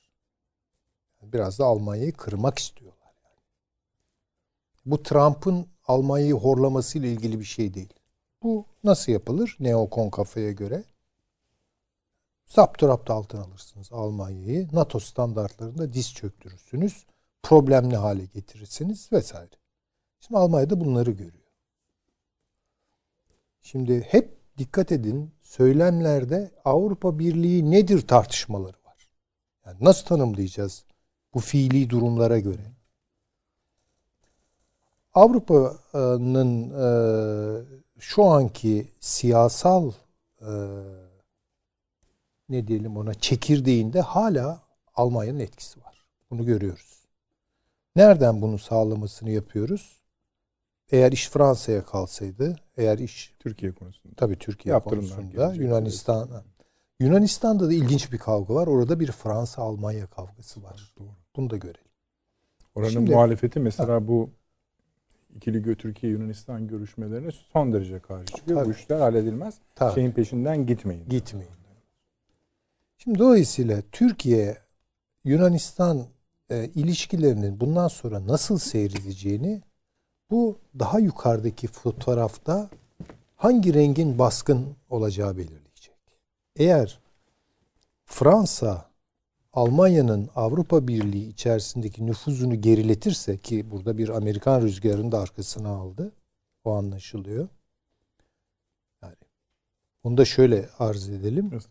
Biden'ı hatırlayalım. Hani Biden fahri bir Yunanlıdır yani. Delaware'da çok önemli bir Yunan kökenli azınlık vardır ve onlara devamlı olarak Biden sempati dağıtır. Yani Biden neredeyse açık açık söyledi. Ben dedi Yunanistan'la çalışacağım. Ben dedi Kıbrıs, Güney Kıbrıs yönetimiyle çalışacağım dedi. Ve Fransa buna zaten teşne. Birlikte Yunanistan'ı domine etmek istiyorlar. E tabii ki Almanya bundan hoşlanmayacak. O zaman ne oluyor? Türkiye ile Yunanistan arasında denge bulmaya çalışacak. Zaten bütün gayreti de bu. Türkiye'yi de kaybetmek istiyor, istemiyor. Yunanistan'ı da kaybetmek istemiyor. Bir de Balkanlar meselesi var. Oralarda nüfuzunda şeyler var Almanya'nın. Gerilemeler var vesaire. Dolayısıyla bu Ege Denizi e, ne merkeze koymak suretiyle Türkiye ile Yunanistan'ı birbirlerinin ayaklarına basmadan dans ettirmek istiyor. Çok kısaca söylemem gerekirse. Bu hiçbir zaman Türkiye'nin tezlerinin yanında yer alıyor falan. Böyle bir şey söz konusu değil. Ama o derecede de Yunanistan'ın tezlerinin yanında yer almıyor. Şimdi dolayısıyla biz bakacağız. Şimdi en son haber siz verdiniz. Dediniz ki e, Avrupa Birliği Dışişleri Bakanları toplantısı oldu. Yani beklendiği gibi Türkiye'ye karşı böyle sert bir sonuç çıkmadı. Buradan. Yani yaptırımlar rafa kaldırıldı diye verildi. Bu ne demektir? Resmi açıklama Ama o. o. Bu ne demektir? Almanya hala ağırlığını Ağırlığı. taşıyor demek. Ağırlığını da Türkiye lehine Ha. koyuyor. Ve Şimdi bunu izah ed- ed- ediyor muyuz? Yani Türkiye lehine koymuyor. Bakın onu da çok bence Hı, büyük- tamam, işte o da izah lazım. Evet ama Türkiye'yi e, Yunanistan karşısında ve Yunanistan'ın arkasında yer alan o büyük güçler karşısında bir anlamda araya giriyor. Sebep? Yani sebep kontrolü kaybedecek. Bakın Almanya Fransa gerilimi dumanı tutmuyor dedim ama içi fokur diyor. Ya bunu görelim. Ve bu çok önemli bir kırık Avrupa Birliği'nde. Birlikte kurdular ama o kırık öyle e, yok olmuş bir kırık değil. Ta bu efendime söyleyeyim Prusya, Rusya, şey Prusya, Fransa savaşlarının tarihine kadar götürülebilir. Alman Birliği'nin tamamlanma süreçlerinde Fransa ile Prusya arasındaki o müthiş gerilimlere falan götürülebilir. Şimdi dolayısıyla burada Avrupa Birliği'ni düşündüğü için Almanya Avrupa Birliği içinde gücünü muhafaza etmek istediği için bu Amerika, Fransa bu Lafayetçi rüzgarı karşılamak istiyor. Onun için Türkiye'ye karşı bir hafif tertip diyelim eski tabirle bir ağırlık koyuyor. Hafif tertip bir ağırlık koyuyor. Almanya aynı zamanda Rusya ve Çin'le de Amerika gibi olmasa dahi bir ilişki kurmak istemiyor mu? İstiyor tabii işte. Onu diyorum ya. Onun Şimdi parçası paşam olarak da Türkiye'yi göremez mi? yani mutlaka ama şu an hani Almanya'nın kafasında öncelik nedir diye düşündüğüm zaman benim görebildiğim kadarıyla öncelik Avrupa Birliği de e, lider olma, Avrupa Birliği'ni domine etmede bugüne kadar sürdürmüş olduğu şöyle veya böyle sürdürmüş olduğu o pozisyonu bırakmak istemiyor Fransa'ya karşı. Tamam. Yani bu bunu böyle görüyorum. Türkiye'nin son dönemde yani Biden döneminin geleceğinin anlaşılmasıyla birlikte Amerika'ya ve Avrupa'ya yönelik sıcak açıklamaları arasında bir kıyas yaptığımda Avrupa'ya daha yakın durduğunu, Avrupa Birliği'ne, Almanya'ya Bakın. daha yakın durdu. Çok güzel söylediniz. Yani e, ağzımdan aldınız hatta. E, Recep Tayyip Erdoğan'ın Türkiye Cumhuriyeti Cumhurreisi'nin özellikle Almanya'ya dönük değerlendirmemiz gereken bir Avrupa Birliği söylemi gelişti. Bu Avrupa- son dönemde. Tabii tabii. Tabii, Avrupa Birliği'nden yanayız. Yani Avrupa- şimdi bu şu demek. Konvansiyonel manada Almanya'nın ağırlığını verdiği Avrupa Birliği'nden ya- yani biz Almanya'yı yanımızda istiyoruz ya da en azından bu bölgesel meselelerde karşımızda istemiyoruz. Bunun adresi doğrudan Almanya'dır. Avrupa Birliği Lizbon değildir Değil. yani. Brüksel değil. Brüksel hiç değildir. Bilmem e, ne bileyim Roma falan da değildir. Esas olarak bu Türkiye'de mesela bu, yani bu haliyle bu analiz kurulmuş değil. Yani herhangi bir metinde ben bunu görmüyorum. Ama ben de sizinle aynı fikirdeyim. evet. Yani bu aslında Almanya'ya adresler ve Almanya da buna iadeyi cevap ver yani cevap verdi. E, dolayısıyla şimdi Merkel'le e, Erdoğan arasında bir iklim var, sıcak bir iklim var. Ve bu tabii ki Yunanistan'ı bence şey yapıyor. Çok e, Tedirgin. zor tedirgin Bunu ediyor. Çünkü anlıyoruz. Yunan kamuoyunda çok hakim bir anti Almanya şeyi var. Duygulanımı var. Yani şu an herhangi sokaktan bir Yunanlı içi ya Yunanistan'ın başına gelenlerin sebebi Almanya diyecektir. Bu denli bir para problemleri de para problemleri var vesaire var şu var bu var. Ve bunu bir anlamda Yunanistan bu Mitsotakis filan bu Avrupa Birliği içerisinde Yunanistan'ın bugüne kadar üzerinde seyahat ettiği Almanya aksından çıkartmanın bir fırsatı gibi görüyor. Ve tabii ki hemen kendini angaje ediyor. Yani Fransa'ya ve Amerika'daki neokon çevrelere. Şimdi burada kim kazanacak bu bilek güreşini? Yani bizim takip etmemiz gereken Almanya-Fransa ilişkileridir. Almanya Amerika Birleşik Devletleri ilişkileridir. Almanya-Rusya ilişkileridir. Bizim diplomasi tarihimizin değişmez Taş denklemleridir bunlar. Bu denklemlere bakıp Türkiye. Ama ben şöyle bir öngörüde bulunacağım. Yanılabilirim. Bu istikşafi görüşmeler falan Yunanistan'ın atıp tutmaları falan bunların zaten hiçbirinin karşılığı olmayacak. Bu görüşmelerin bir karşılığı olacak mı? İşte olmayacak. Olmayacak. Olmayacak. Büyük risk almıyorsunuz. Hayır hayır. Yani o öyle, öyle bir şey yok. Ee, dolayısıyla sorunlar devam edecek. Ama sorunların büyümesini Almanya engelleyebilecek mi engelleyemeyecek mi? Bunu göreceğiz. Muhtemelen Almanya da öyle dedi. Yani şunları şeklen de olsa tutalım. Tabii, tabii, Ankara ile konuşurken Tabii. gerisini biz işte bu büyük resmi beraber Tabii bakın şeyi söylüyoruz hep bu çeşitli yerlerde de dile getiriliyor. Onun için çok orijinal bir şey olmayacak söylediğim ama Der Spiegel'in kapağındaki resim boş bir resim değil gerçekten. Yani kurtulmamız gereken liderler. Şimdi ne Putin, Erdoğan, Xi Jinping. evet Xi Jinping falan. E şimdi baktığınız zaman e, Der güldünüz Der Doğru Spiegel diyorsun. şey Evet. dergisidir yani NATO dergisidir yani. Amerikan dergisidir o Alman dergisi falan değildir. Şimdi buna zorluyorlar. Bakın Merkel bunları görüyor. Merkel çok iyi bir siyasetçi. Gerçekten yani. Üzüleceğiz Evet. diyorsunuz yani gidişini. Evet yani bence tabii şu an en şeydir. e, hani kabili hitaptır. Yerine kim gelecek bilmiyorum. İşte bakın mesela bu da çok belirleyici Çok olur. Çok önemli. Bu da, ve eminim şu an Amerika Birleşik Devletleri e, derin yapıları diyelim. Neyse, hoş bir laf değil de kullanmak istemem ama Almanya çalışıyorlar. Çok ciddi Almanya çalışıyorlar ve çok ciddi Rusya çalışıyor. Şu an öncelikleri Almanya-Rusya Öyle gözüküyor. ve seçimler böyle öyle zannettiğimiz gibi şey olmayacak. Almanya'da suul e, bir şekilde Eylül'de şeyi de göreceğiz. Rusya'yı da göreceğiz. İlk işaret de e, buradan. tabii ki. Ve yani. aceleleri olduğu da anlaşılıyor. Tabii tabii tabii. Yani, tabii. Peki. Teşekkür ederim. Buyurunuz. Bir şey mi söyleyecektiniz abi? E, e, Şimdi Hani- paşam şey yapar zaten söyler de ama bu Almanya üzerine ben de söyleyeceklerim Tamam o zaman var ya, size o gelin. sonrasında. Tamam Evet. peki. Buyurunuz. Ee, Şimdi tabii e, Almanya'nın e, gerçekten Merkel dönemi ve sonrası diye ikiye ayırmak gerekecek.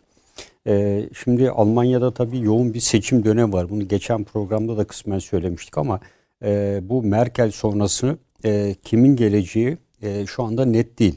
Evet. E, Eğer Yani burada ismi en yakın birisi var. O da Türkiye'yi çok işte İşte her, beğendiği söyleniyor. e, en azından bir, bir e, Laşet Evet. dediğimiz bir kişi var olma ihtimali. Bir de Hertz dediğimiz Amerikan yanlısı. E, görüşleri de birbirinden e, farklı Farklı. iki isim. Evet.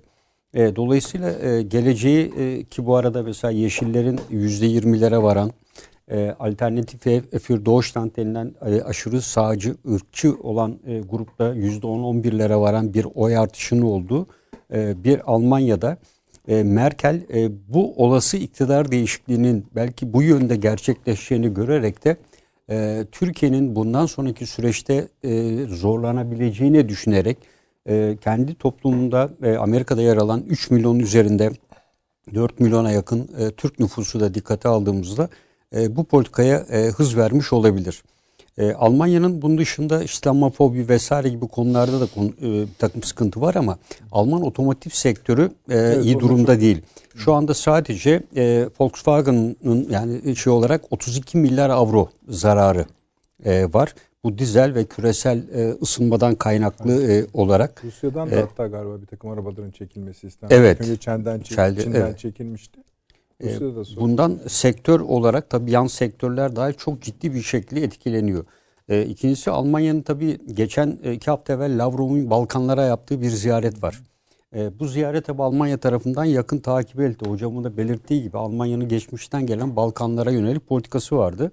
Ve burada Lavrov'un e, özellikle Bosna Hersek'te sadece Sırp temsilcileriyle görüşmesi, Hırvatların ve Boşna, e, Boşnakların görüşmeyi reddetmesi, e, Sırpların hoşuna gidecek şekilde e, onların yaptığı çentik selamı yaparak onları selamlaması, e, Karadağ'da e, şu anda e, Rusya yanlısı olan bir kişinin iktidara gelmiş olması, Kuzey Makedonya ile ilgili görüş ve önerilerinin ortaya konması, e, Slav Ortodoks ekseninde e, Balkanları yeniden Amerika'nın özellikle Yunanistan üzerinden DEDAÇ eksenli olarak e, buraya inmesini ve e, Ege üzerinden Akdeniz'e inmesini engelleyecek bir yapı oluştururken Rusya da buna karşı bir mekanizma ile Balkanlar üzerinden e, Akdeniz'e e, tabii Yunanistan'ın gerisinden e, Sırbistan kendisiyle birlikte hareket ettiğini düşündüğümüzde e, burada e, tabii Bulgaristan, Romanya var ama onların gerisinden rahatlıkla inebilecektir. Daha kısa mesafeden de inebilecektir.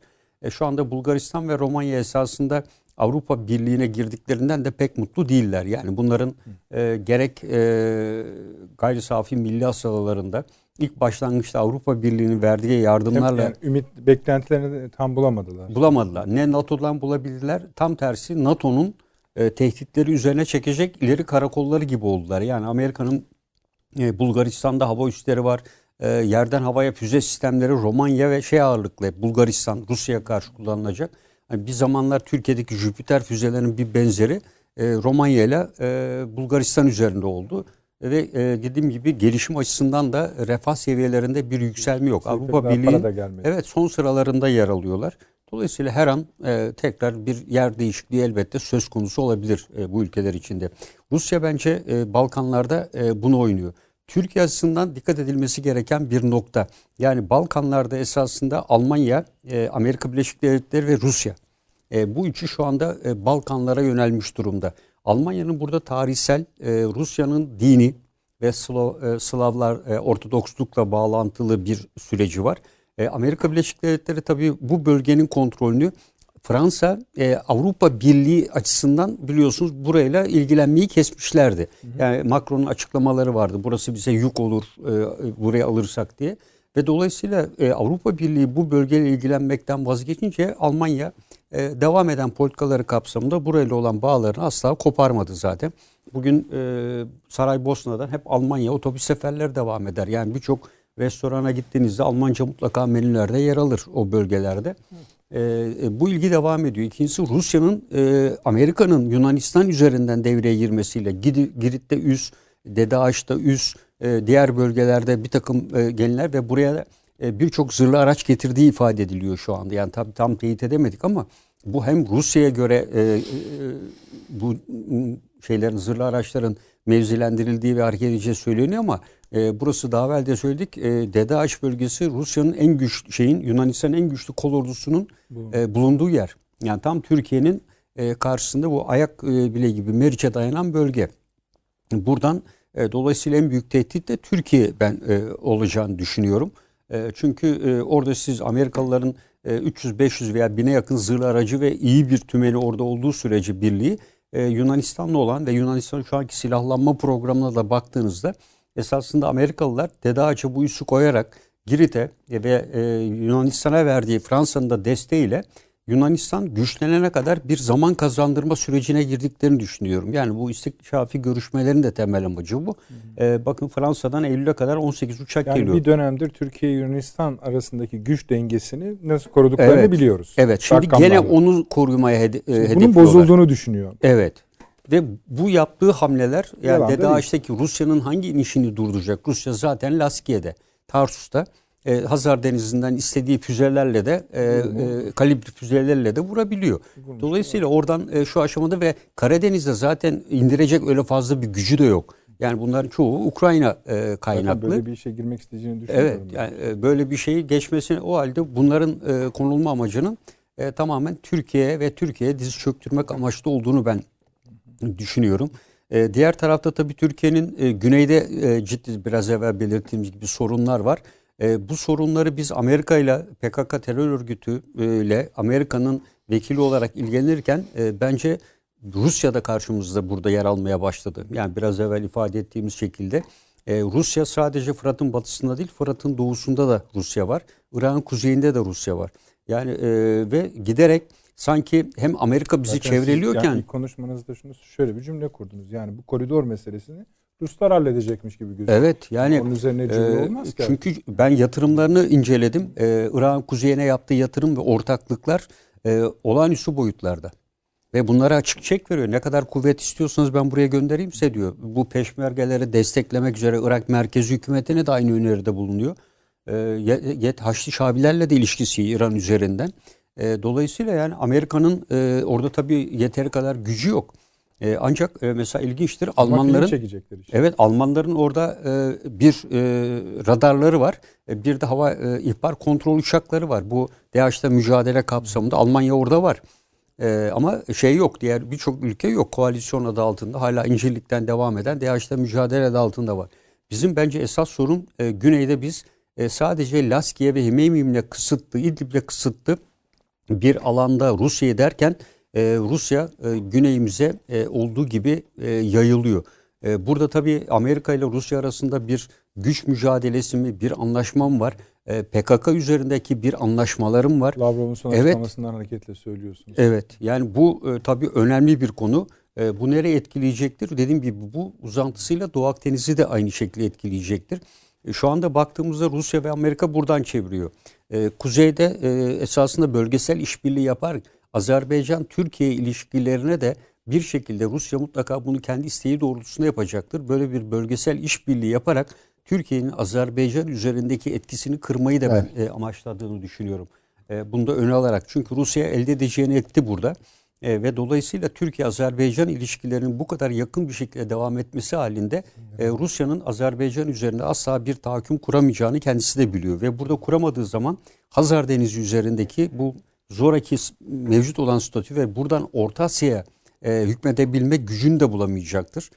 E, bir tek İran'la bu iş olmayacaktır. Bir Çünkü de Kazakistan meselesi çıktı Tabii, biliyor musunuz? tabii. Çünkü yol bağlanıyor ve Evet. Kazakistan Avrupa'ya bağlanmış oluyor Türkiye üzerinden. evet. Bir de o var. Yani tabii Kazakistan az buz Yani bu bölge e, Kazakistan, Kırgızistan, Tacikistan, Pakistan, Hindistan 3. Dünya Savaşı'nın çıkma ihtimalinin en kuvvetli olduğu bölge e, gözüyle görüyorum. Yani burası e, Çin, Rusya ve buraya girmek isteyen Amerika Birleşik Devletleri e, esas olarak mücadele alanı burası. Orta Doğu'da e, büyük ölçüde sanki anlaşılmış gibi duruyor.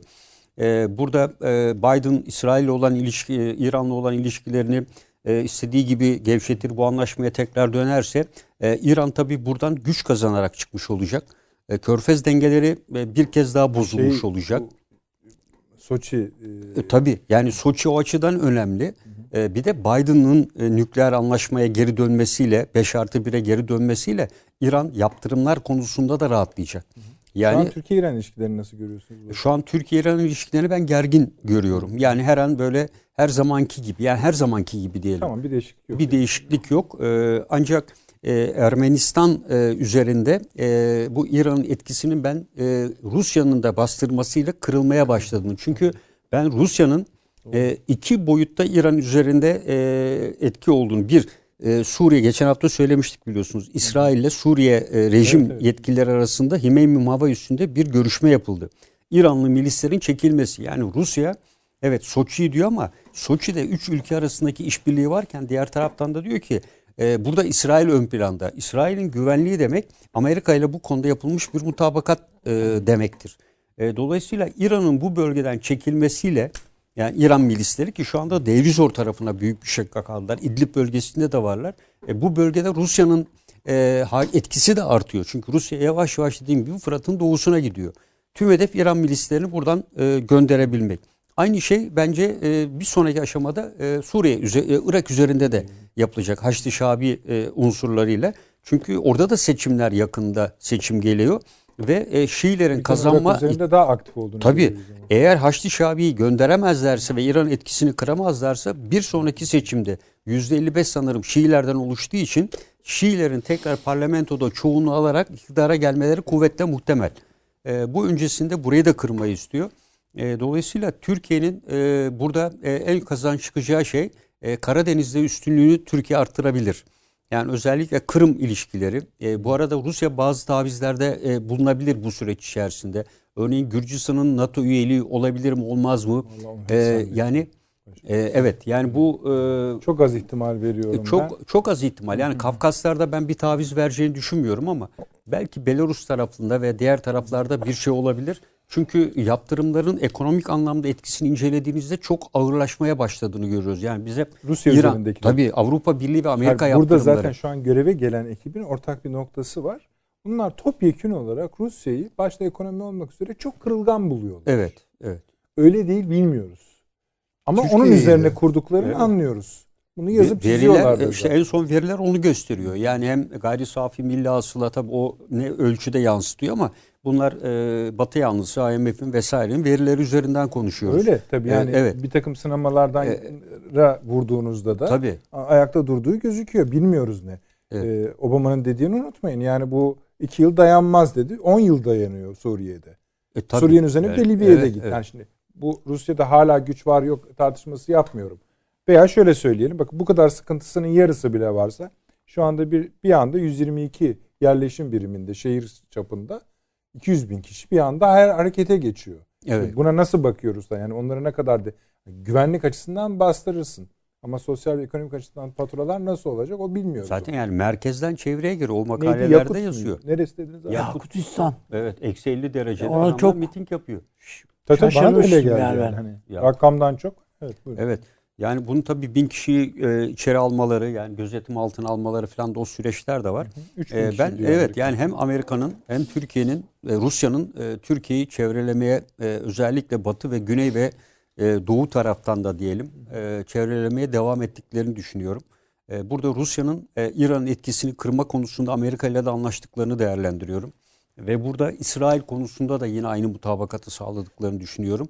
E, çünkü Rusya'nın burada var olmasının en büyük nedeni Amerika'nın İsrail'in güvenliğinin tam olarak sağlanması.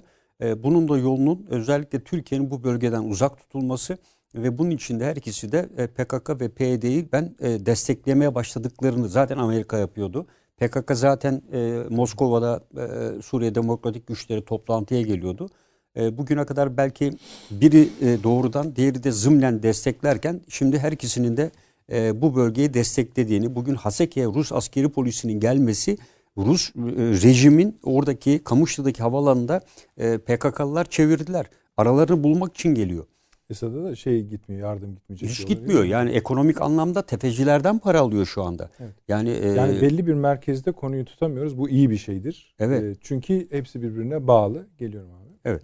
Yani e, ana hatlarıyla e, benim bu tabii Almanya'nın en büyük sorunu e, güç meselesi son olarak hep söylüyoruz ya şu anda tek Avrupa Birliği'nde nükleer güce sahip olan ülke Fransa. E, dolayısıyla nükleer güç kimdeyse e, Avrupa Birliği'nin liderliğinde de e, olacaktır. E, Almanya denizde biraz güçlü e, konumda. Zaten yurt dışında Almanya'nın Yapalım diyoruz nükleer. Dinle, dinlemiyorsunuz. paşam. ya yapalım e, hemen yani o diyorlar ki işte yaparsak yapmazsak ne olur ama e, tabii göç yani e, bu göç konusunda Fransa ile ayrıştığı hususlar var özellikle Afrika odaklı. Peki çok teşekkür ediyorum. Abi bu konsey e, topla, zirveyle ilgili bir şey söyleyecektir ama Avrupa Birliği Dışişleri Şöyle, Bakanlığı. e, şimdi Almanya'da e, Almanya ile alakalı olarak bir şey yapmak istedim. Ek yapmak istedim. Öyle zannediyorum ki son birkaç yıldır Almanya bir tahlil, bir devlet analizi yapmak durumunda oldu. Yani Avrupa Birliği'ni bir hakimiyet projesi olarak Almanya'nın düşünmüşler idi. Yani Dünya Savaşı'yla iki defa denedik olmadı. Bu sefer ama bak ne güzel anlaşmayla parayı ver satın al gibi yapıyoruz. Helmut Kohl'ün şeyi buydu. Üslubu, yaklaşım buydu. Ama gördüler ki bu iş böyle değil. Pabuç pahalı. Şu anda bu faturaları Almanya ödeyemeyecek durumda. Ödemek de istemiyor ayrıyeten.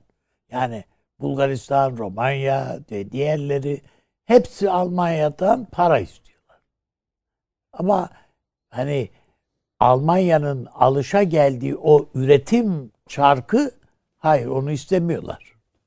Çalışmayalım avanta getirin yani. Birincisi bu. Şartlarını da sevmiyorlar Almanya. Şart, tabii sevmiyorlar yani böyle bir şey yok. İkincisi e, Dünya Savaşı'nda efendim en büyük hatanın Rusya'ya ka- kapışmak olduğunu gördüler. Bu bütün egemenlik veyahut da etkinlik mücadelesini kaybetmenin e, birinci şeyiydi Almanya için. Yani Hitler'in en büyük hatası. Eğer e, Alman, Rus yani Sovyet ittifakı değil mi? Başlangıçta böyle bir ittifak var idi. E, yani Stalin'in de üstüne atladığı hatta ben böyle gayet güzel şekilde o Molotov'la filan filan e, bir ittifaktı. Onu bozup e, Kızıl Ordu'yu karşısına alma gibi bir hataya düşünce bütün o hakimiyet projesi bitti Almanya'nın. Sadece savaşın sonu açısından değil ki. Sonraki 70 yılda onlara Tabii. fatura yani, edildi e, yani. Evet. Bitti. Bu hatayı bir defa daha yapmayacağız. Bu sefer Rusya ile birlikte. Yani daha doğrusu paylaşarak. Paylaşarak götüreceğiz. Bu şimdi elbette şeye itiraz etmem. Yani Fransa tabii tek nükleer silah sahibi Avrupa'da bu filan bunlar bu elbette doğru. Ama Fransa Avrupa Birliği'nin maddi yani finans yükünü omuzlayacak bir değil, ülke değil. Almanya omuzlayacak bir ülke. Yani Avrupa Birliği Merkez Bankası'nın finansörü Almanya. Ama Fransa'nın böyle bir gücü yok. O yüzden e, Almanya'nın hakimiyeti Merkel kalsın ya da kalmasın Dursun gitsin. Hiç fark etmez. Almanya her hal ve karda etkin olacak. Belirleyici bir ülke olacak. Bu Türkiye'den yana olur, karşı olur. O ayrı mesele. Ama ben Merkel'in de arkasını biraz sağlam alarak burayı bırak boşaltacağını, koltuğu boşaltacağını düşünüyorum. Arkasını derken yani koltuğu biraz sağlama almaya çalışarak Almanya adına veya Almanya düşüncesi adına. E, o yüzden e, ben e, programa girmeden de sohbet ederken söylemiştim.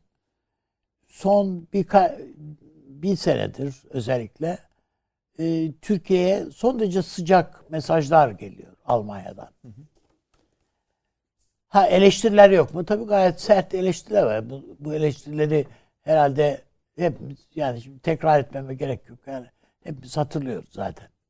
Ama şu ara gelen özellikle giderek yoğunlaşan hatta mesajlarda bakılırsa Merkel resmen Türkiye'ye bir takım yaptırımların önüne fren. Önünde fren. O kadar ki bu yani Fransa'yı göğüsleyecek, Yunanistan'ın baskısını veya kıskacını geri itecek seviyede. En azından çenesini yani e, çenesi evet, felaket. Yani, evet. Bunun Ankara bu acaba burada bir iş samimiyet var mıdır? Bu yoksa bir işte çevirme hareketinin bir parçası mı? Bu, bu, bu, yani bir yani ne, Merkel'deki bu ağız değişikliği veya tavır değişikliği diye epey uzun zaman yani iki, iki yıldır Ankara'nın tahlil etmeye çalıştığı bir şey. Ama sen, sonunda herhalde Sayın Cumhurbaşkanımız bu konuda olumlu bir kanaat sahibi oldu. Ve bir de baş başa görüştüler. Evet. Birkaç defa Merkel'le. Oradan da edindiği intibalarla Türkiye hele hele Tayyip Erdoğan'ın yani liderlik sürecinde son 18-19 senedir hiç kimseye olmadığı şekilde resmen Cumhurbaşkanı sıfatıyla teşekkür etti. Evet. Yani tamam. resmi bir açıklama yaptı. Merkel'e, Ankara Merkel'e teşekkür ederiz diye. Şimdi ve bunun yanı sıra Tayyip Erdoğan'ın da biz geleceğimizi Avrupa Birliği'nde görüyoruz. Hazırız. Değil mi? Yani başka evet. sözlerini falan hatırlatmama gerek yok. Yani bütün bunlar var. Ve önümüzde de Mart sonuna kadar Avrupa Birliği zirvesi de bir Türkiye zirvesi haline gelecek. Evet. Da anlaşılıyor. Ben buradan ne çıkacak? Avrupa'dan ne çıkacak sorusunun cevabı ben Türkiye'ye sağlam bir tutanak, tutamaç bir şey çıkacağını düşünüyorum. Ha bu Avrupa Birliği üyeliği falan değil tabi. Ama Türkiye'yi ye bir çıpa. Bu seferki farklı. E, ortaya konacak.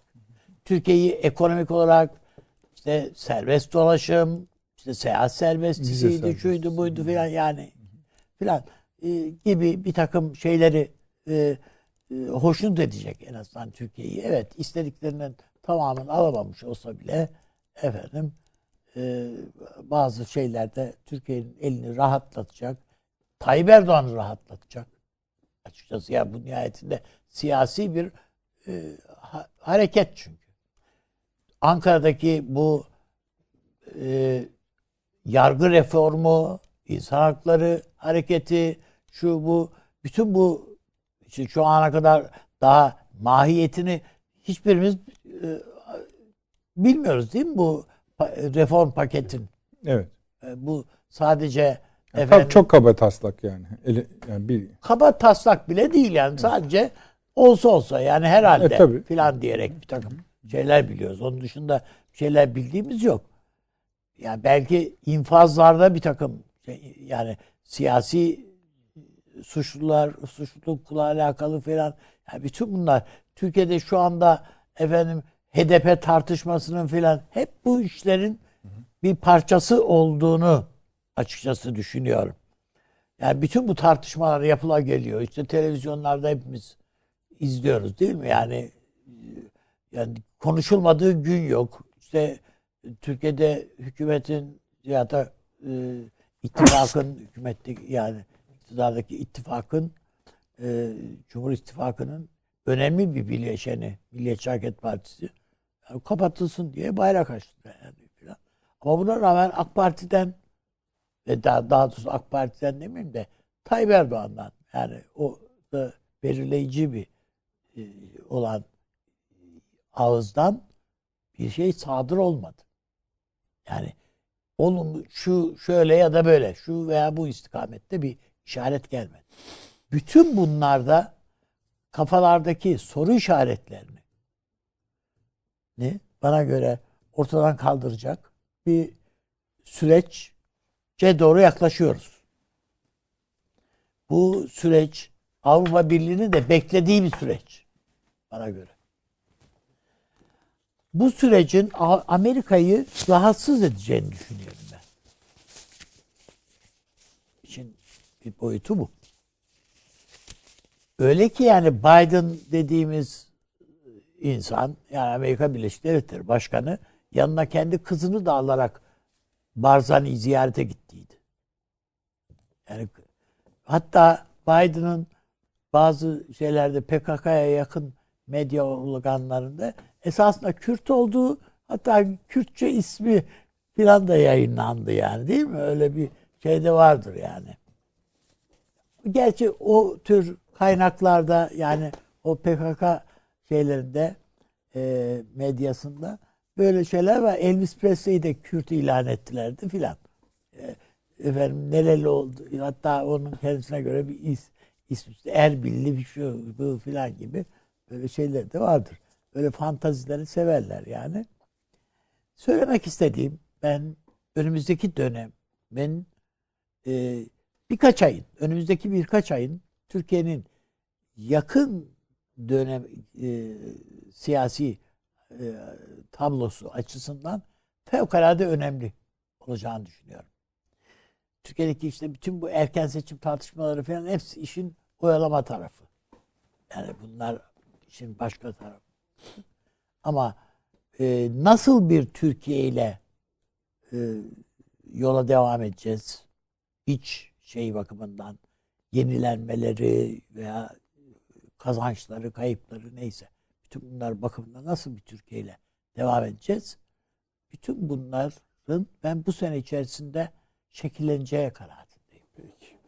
Ee, bu bakımdan ben bizi seyreden e, seyircilerimizin Mehmet Uçum var biliyorsunuz. Cumhurbaşkanımızın e, danışmanı.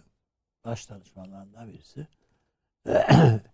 Geçmişte de zaten bu anayasa değişiklikleri şu bu yani başkanlık sistemi çalışmaların e, hemen tamamında onun hem dahli var hem hazırlık çalışmasına bir kısmını o götürdüydü. Onun geçenlerde bir söyleşisi yayınlandı. Yani merak eden onu okusun. Nasıl bir şey olacak ya da olmayacak. Neler olmayacak? Neler olacağını değil belki ama nelerin olmayacağını şey yapmak adına Peki. diye düşünüyorum. Süleyman Hocam, e, Buyurun. mesela e, şey üzerinden yürüdüğümüz için Avrupa Birliği ve Almanya üzerinden yürü pariteyi tamamlamaya çalıştığımız için işte mesela Almanya hakkında konuşuyoruz, konuşuyoruz. Bugün Almanya Büyükelçisi bir takım açıklamalar yaptı. Özel röportaj verdi Hürriyet'e. Ve e, Türkiye e, Almanya ilişkilerini çok özel şekilde birbirimize bağlıyız diye tarif etti. Şimdi metne baktığınızda hmm, ben açıkçası şöyle söyleyeyim. Avni Bey kadar e, şey değilim, e, ümitli değilim. E, çünkü ben Türkiye'nin de esasında Avrupa Birliği'ne ve Almanya'ya bakarken biraz önce çizdiğimiz tablo üzerinden hareket ettiğini düşünüyorum Ankara'nın. Bu da çok normal, doğal bir şey. Ülkeler öyle hareket ederler. Ee, Hangi tablo? Şu, yani işte bir büyük harita resmettik. Bu resim içinde. Türkiye kendisini bakayım benim çıkarlarıma hangisi daha yakındır seçenekler içinden birkaç ülkeye dokunduğunu, bu ülkelerden bir tanesinin Almanya olduğunu görüyoruz. Bunu seçmesinin bir sebebi de Ankara'nın bir Avrupa Birliği içindeki durumu, iki ABD ve Rusya ile olan ilişkileri. Bunu dengeleyici yani diğer bakışlarıyla birlikte. Şimdi hani e, evet şundan memnun olduğu anlaşılıyor. Hem Avrupa'nın yani mesela Borrell'in de açıklamaları var. Mesela diyor ki yani AB Dışişleri Bakanı diyoruz. Daha uzun bir ünvanı var da karşılığı. Geçen yaz ve sonbaharda ilişkilerimizi zehirleyen konuların bugün durduğunu söylemekten mutluluk duyuyorum diyor. Güzel. Ee, Almanya e, Büyükelçisi de Schulz, evet. Ee, her iki tarafın da menfaatine olduğundan eminim pozitif bir gündemin diyor. Vize serbestisi gibi bazı konular bakımından top şimdi Türkiye'nin sahasında. Gümrük Birliği'nin güncellenmesi gibi diğer bazı konularda ise Avrupa Birliği Türkiye ilişkileri bakımından önümüzdeki haftalar ve aylardaki genel gelişmeler bilhassa etkili olacaktır diyor. Benim gazeteci olarak okumam onu yok sayabilirsiniz anlamına gelir. 18 Mart 2016 tarihli AB Türkiye bildirisinin sürdürülmesi de yine buna bağlıdır. Almanya prensip olarak bu konuda bir güncellemenin yapılmasını pekala düşünülebilir diyor. Orada bir açık kapı var. Alışveriş hesabı biraz bu. Ee, bunlara da bakıldığında tablonun genel olarak uluslararası, uluslararası ilişkilerin prensiplerinden yürütüldüğü anlaşılıyor. Bunun bir zararı var mı? Yok. Çünkü Türkiye'nin Avrupa Birliği'ne son 10 yıldaki eğilimi, sevgisi, saygısı çok ortada. Onun Avrupa Birliği'nin de bize nasıl baktığı ortada. Siz nasıl görüyorsunuz Türkiye Berlin'i? Yani hangisinde görüyorsunuz? Nasıl ele almalıyız? Valla bir kere e, Amerikan hegemonyasının yeryüzünden çekilmesi hala onun belli bir aşamasındayız tabii. Tamamlanmış bitmiş bir süreç değil. Ee, Esasında tabii ne kadarı tamamlandı onu da biliyor muyuz? O da ayrı bir e, konu. Tabii tabii. Kusura bakma. Ee, yani ne olacağı belli olmaz ama e, yani adamın iştahı artık, kesilmiyor canım hiçbir zaman. Maşallah yani iştahlı o. Tabii.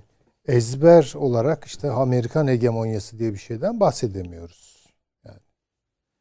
Bu dünyanın çeşitli coğrafyalarının e, bu hegemonyanın gereklerine göre ayarlanmış, çarpıtılmış, sakatlanmış unsurlarını da bir şekilde ortaya çıkarıyor. Ben şeye benzetiyorum bu hani işte sular çekiliyor bu İznik Gölü'nde oldu mesela hı hı. sular çekildi altından bir tarih çıktı.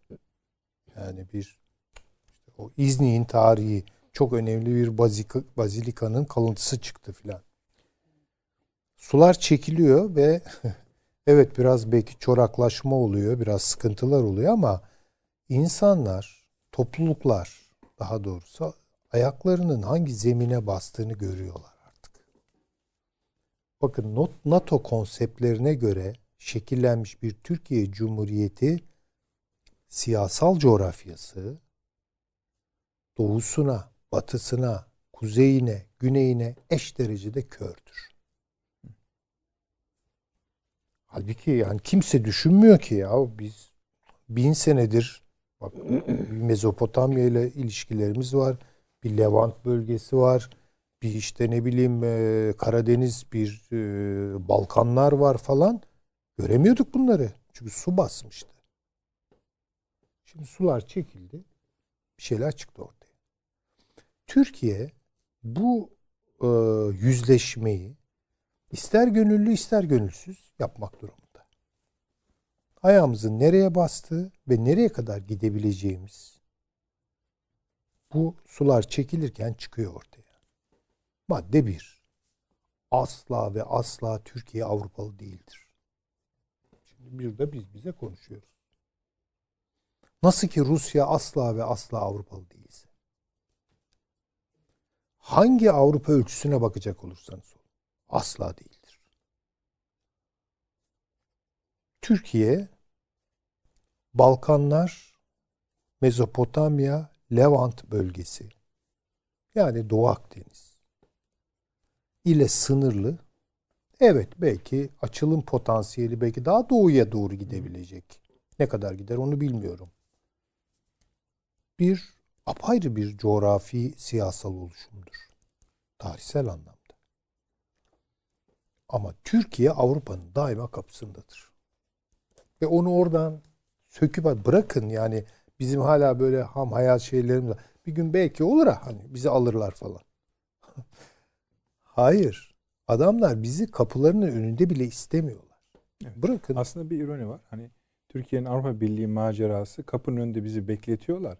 Tamam da o kapının önünde durmamızdan da çok mutlu değiller. Yani o onun birçok açılımı var çünkü. Ha, tabii. Yani biz zaten kapının önündeyiz. Avrupa kapısının önündeyiz. Yani biz bir yere gitmedik ki. Yani her zaman Ama- çalınmaya da bilir o Ha yani bir yükleniyoruz biraz acaba açarlar mı içeri girebilir miyiz vesaire. Bunun böyle olmayacağı çok çok açık artık. Bir kere bunu zihnimize yazmak lazım. Bu Türkiye Avrupa ilişkileri olmayacak anlamına gelmiyor. Tabii ki olacak ama bir duhul olayı üzerinden değil. Evet. Bir ilişki tarzı olarak. Yani. Bu nasıl kurumsallaşacak? Hangi noktalara gidecek? Onu şimdiden kestirmek zor tabii ki.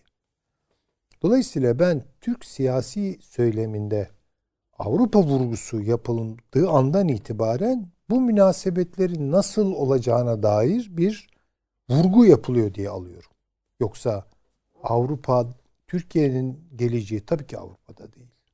Ha şu soruyu da soralım. Avrupa'nın geleceği ne kadar Avrupa'da? Şimdi bir de böyle bir problem de var. Çünkü bu fiktif bir oluşumdur. Yani Avrupalılık bir kurgudur. Avrupalılık sonradan olmuş bir şeydir. Oldurdular mı? Oldurdular tabii ki. Ama sürdürebilirler mi bundan sonra? Tereddütlerim var. Ben de hocam yani müsaade ederseniz hani Estağfurullah. Türkiye'de bir hani Avrupa söylemi geliştiği anda yenilendiği diyeyim ya da tazelendiği nasıl andan itibaren ben hiç ne Türkiye ne Almanya'ya bakma taraftarıyım. Ben büyük haritaya bakma taraftarıyım. O çok daha izah edici cevaplar oradan geliyor. elbette tabii canım. Ben, buyurun. Elbette ve bunun daha sağlıklı olduğunu da düşünüyorum. Çünkü tarihsel mecramızla, havzamızla yani henüz daha o ilişkileri biz kendimiz de kuramadık. Onu da söyleyeyim yani. Türkiye de bu açıdan çok defolu. Yani bu coğrafyanın ne tarafından tutacağımızı çok iyi bilemiyoruz. Genellikle ideolojik yatırımlar yapılıyor ama coğrafyalar o kadar ilginç yerlerdir ki ideoloji kaldırmaz.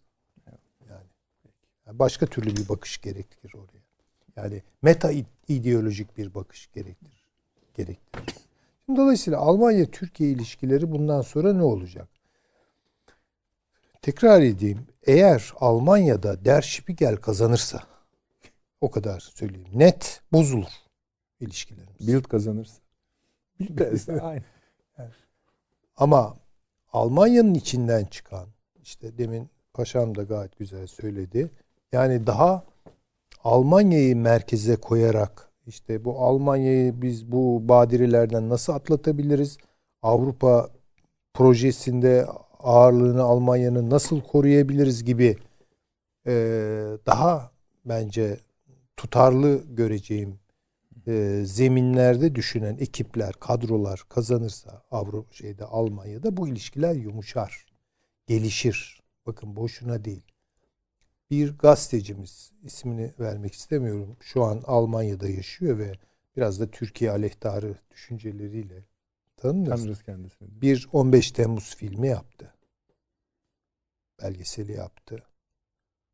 Şimdi onu o meşhum teşkilatın uzantısı olarak görüyoruz ama en büyük itiraz o teşkilattan geldi. Düşünelim biraz bunun üzerine. Yani siz Almanya'da gurbette böyle bir siyasi diyelim ki mülteci pozisyon oralarda belgeseller yapıyorsunuz. Ya yok artık yani. O bir yani yaptırırlar size. Ama işin ilginç tarafı orada bir suçlama var birilerine. Ve o birileri artık Almanya'da bir daha barınabilecekler mi mesela? Orada bakacağız. Şimdi bunlara biraz bakmamız. Gene bir Alman çok önemli yetkili bir değerlendirme yaptı. Çok tehlikeli bir örgüt bunlar. Çok yakın zamanda. Şimdi bu Evet. biraz Almanya'nın Türkiye ile yani Türkiye'ye hani Hatta Şeylerde- verdiği örnek Illuminati. Evet. Illuminati'den Evet, yani- daha tehlikeli. Tehlikeli. diyor dedi. Yani şimdi bakın bu, bu bunlar yani 3 ay evvel Evet, falan evet. pek düşünülmeyecek şeylerdi. Yani Almanya şu an hani böyle bir tabir vardır ya meyve tabağı ikram edersiniz yan masaya falan. Ya bir takım meyve tabakları gönderiyor bize. Üzerinde çeşitli hoş şeyler falan var. İşte sayın elçiler konuşuyor. Ya. Ya, tamamen reel politik hesaptır. Peki. Türkiye de reel politik hesabını yapacak. Fransa, e, bilmem e, Yunanistan arkasında bilmem Amerika, öbür taraftan Mısır bilmem ne yok artık yani. Böyle de olmaz yani bu kadar da olmaz. Ya orada Almanya bir önemli blokajdır. Türkiye için bir fırsattır bu. Türkiye bu fırsatı değerlendirecek. Nereye kadar gider? Onu da ben bilmiyorum. Yalnız Rusya için izninizle bir şey söyleyeyim. E, Demin paşam e, bu önemli gelişmeleri haklı olarak dikkatimizi çekti. E, Şimdi bakınız demin kurduğum o set veya modelleme diyelim ki e, kısaca hatırlatacak olursam mesela demişim ki yani bir bölümü itibariyle işte Rusya, Türkiye, İran, Lavrov'un konuşması üzerine işte Gürcistan, Ermenistan filan falan bunları bir araya getir. Şimdi bu, bu, bu bölgede bir Pax kurmak istiyorum ben diyor Rusya. Burada bir Pax. Ve Rusya biliyor ki bu Pax'ı kurarken tek başına kuramayacak. Burada Türkiye'de var. Ama Türkiye ile ilgili problemleri de var. Ya şimdi çok oynak ilişkiler. Mesela Ukrayna. Türkiye ile Ukrayna anlaşıyor. Anlaşmalar işte askeri bilmem neler falan Aruz filan. anlaşmalar değil Ha mi? yani Normal adeta şartlarda herkesi rahatsız eder. Tabii.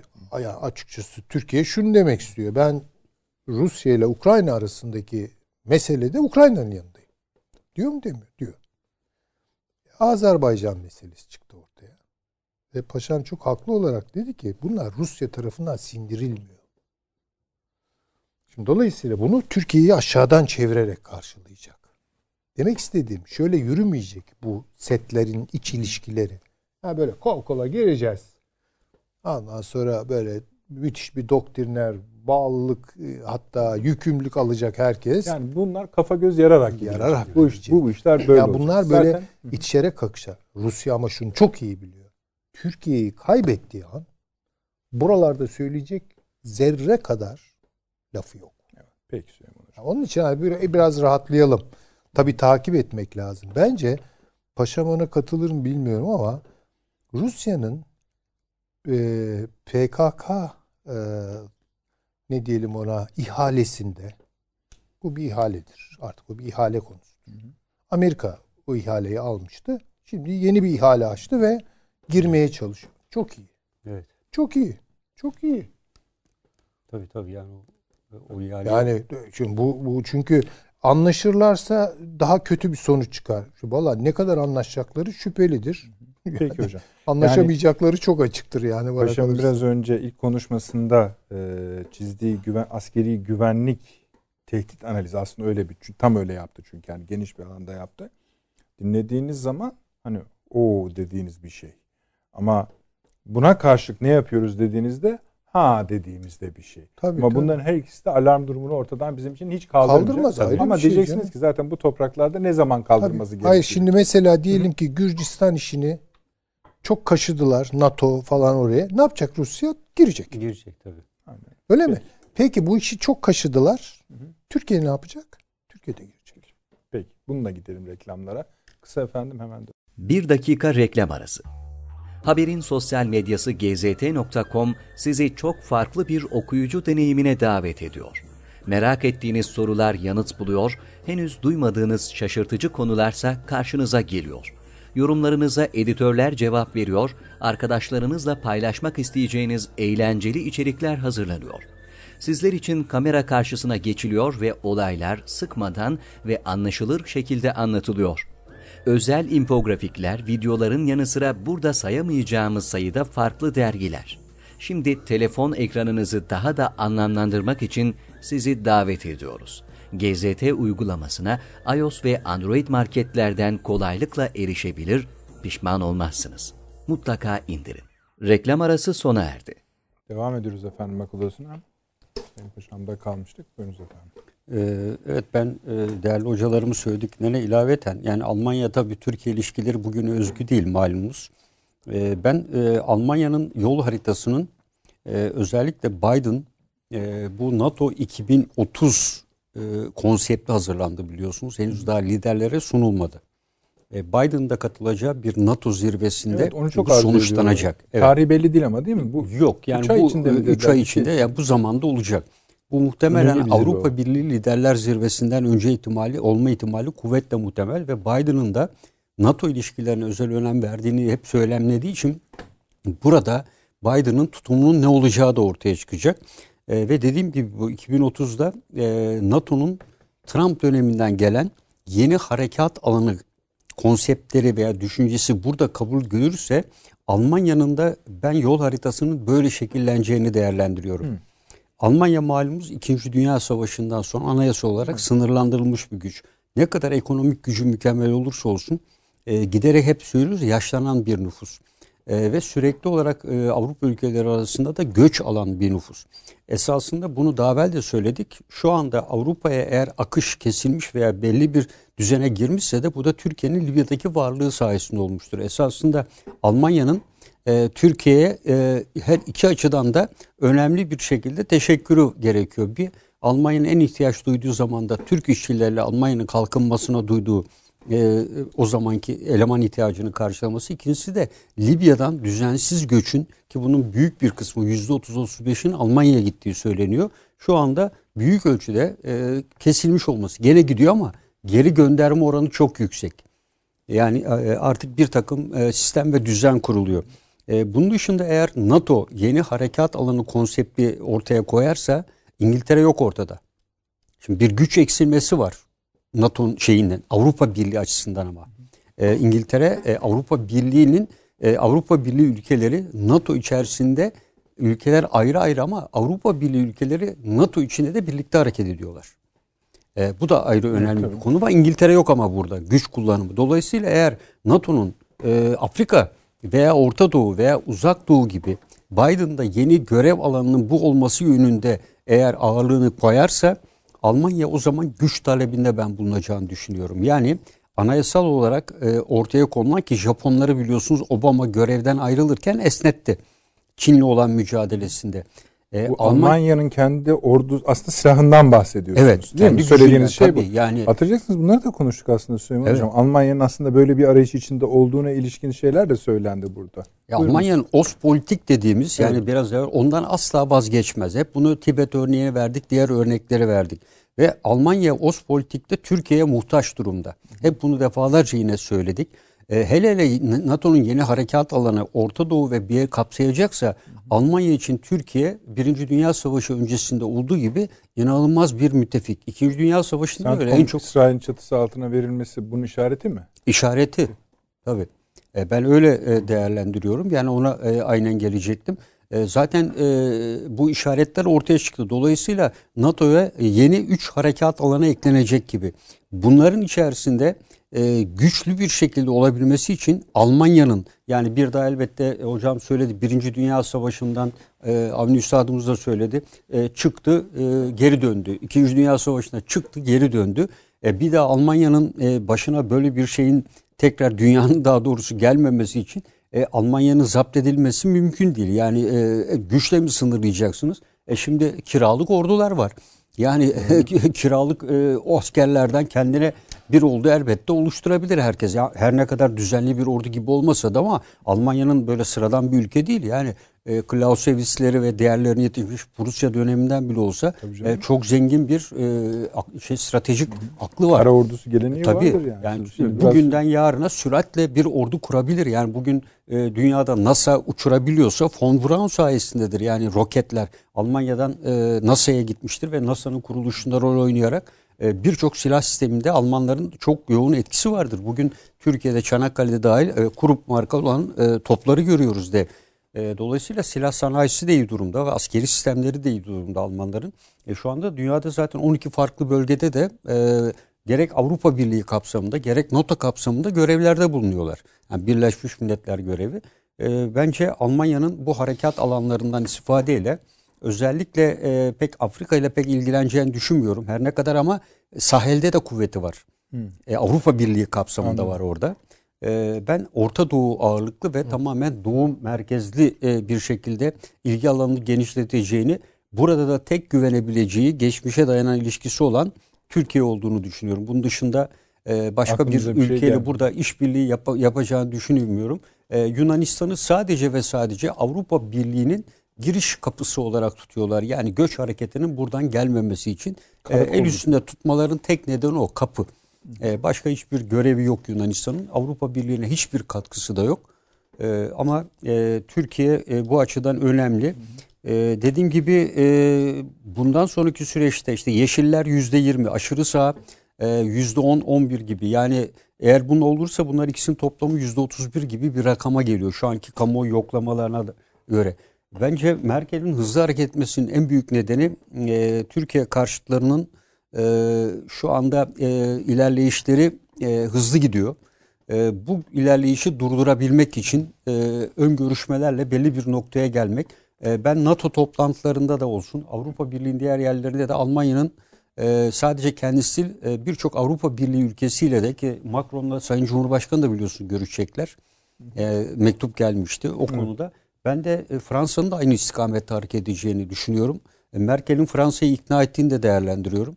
E, dolayısıyla bizim yani bu Avrupa Birliği'ne giriş anlamında değil ama e, özellikle Gümrük Birliği Anlaşması'nın yenilenmesi yeni koşullarla Türkiye'nin istediği şekilde e, İngiltere'nin çıktığı boşluğu da dolduracak şekilde e, önemli bir şey. Çünkü Çin'den gelen e, bu tren hattı önümüzdeki yıl işte bin sefere çıkacak.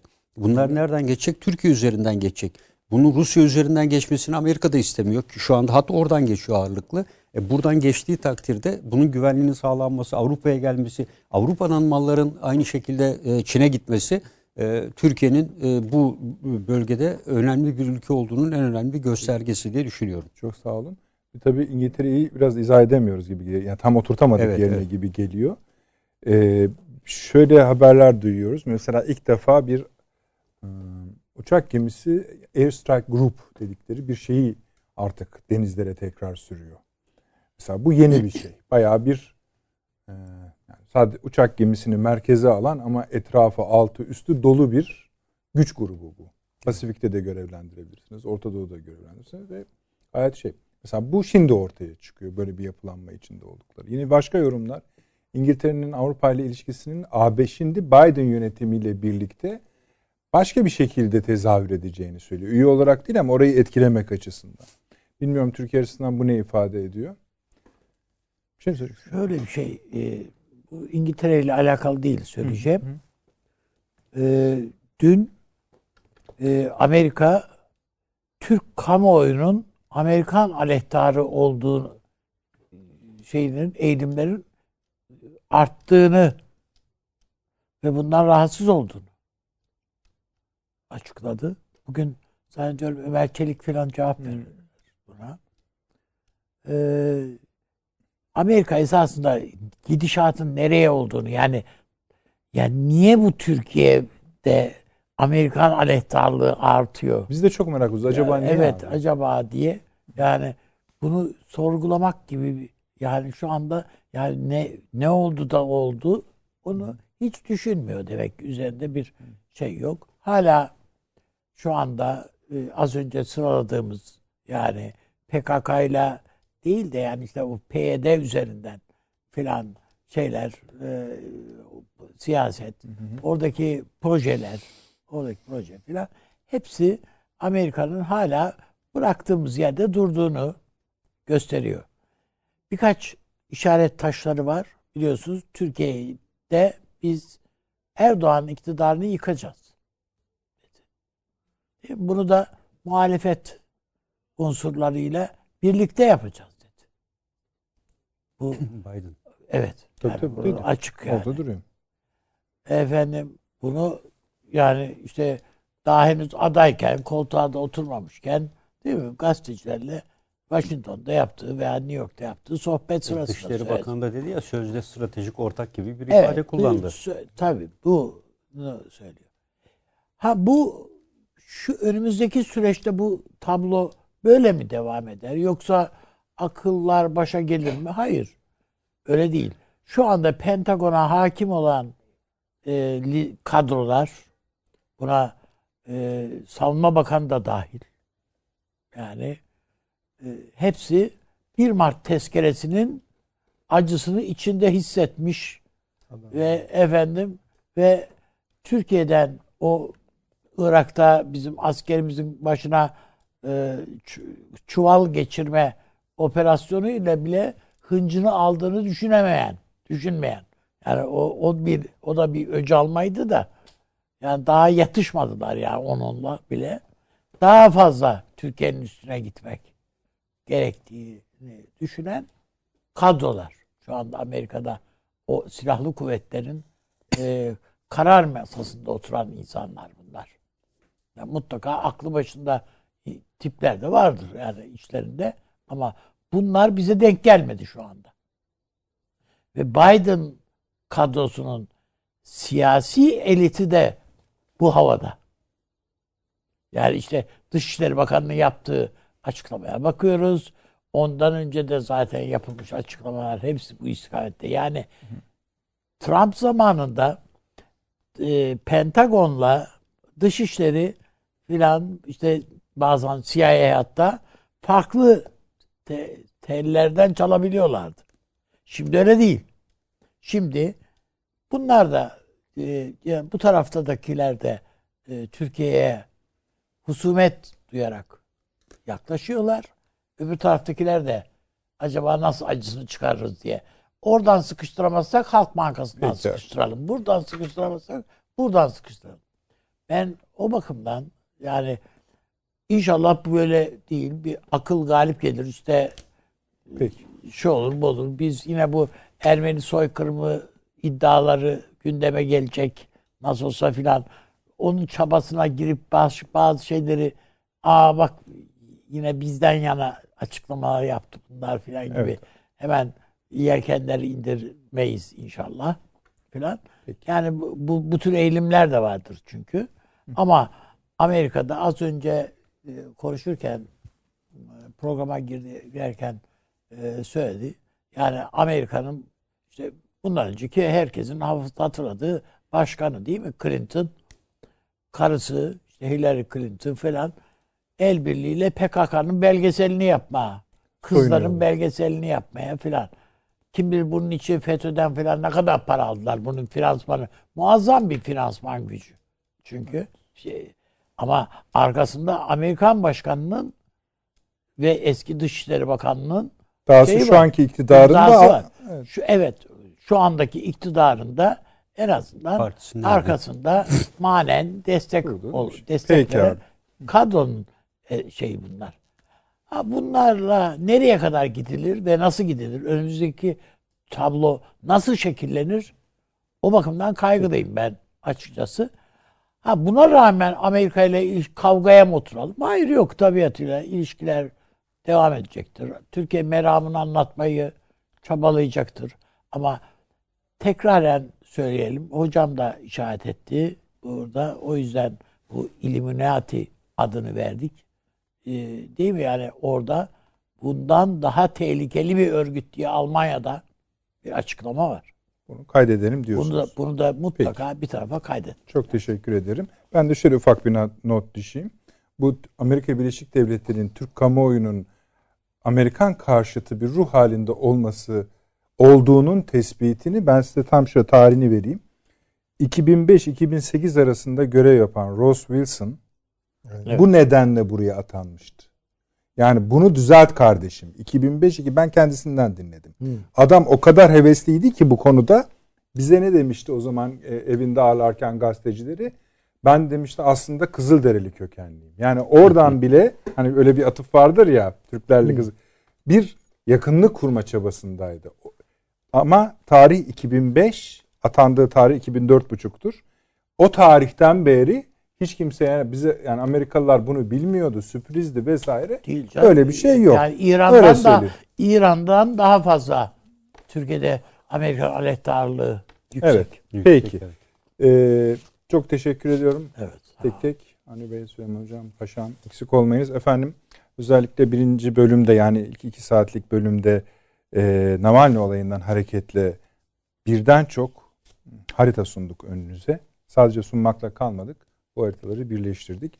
Tahmin ediyorum çok muhtemelen önümüzdeki uzunca bir dönem yani Biden dönemin tamamı da olabilir. O haritaları kullanabilirsiniz efendim. Öyle gözüküyor. Ufak tefek değişiklikler elbette olacaktır ama sonucu değiştirmeyecektir. Size iyi geceler diliyoruz.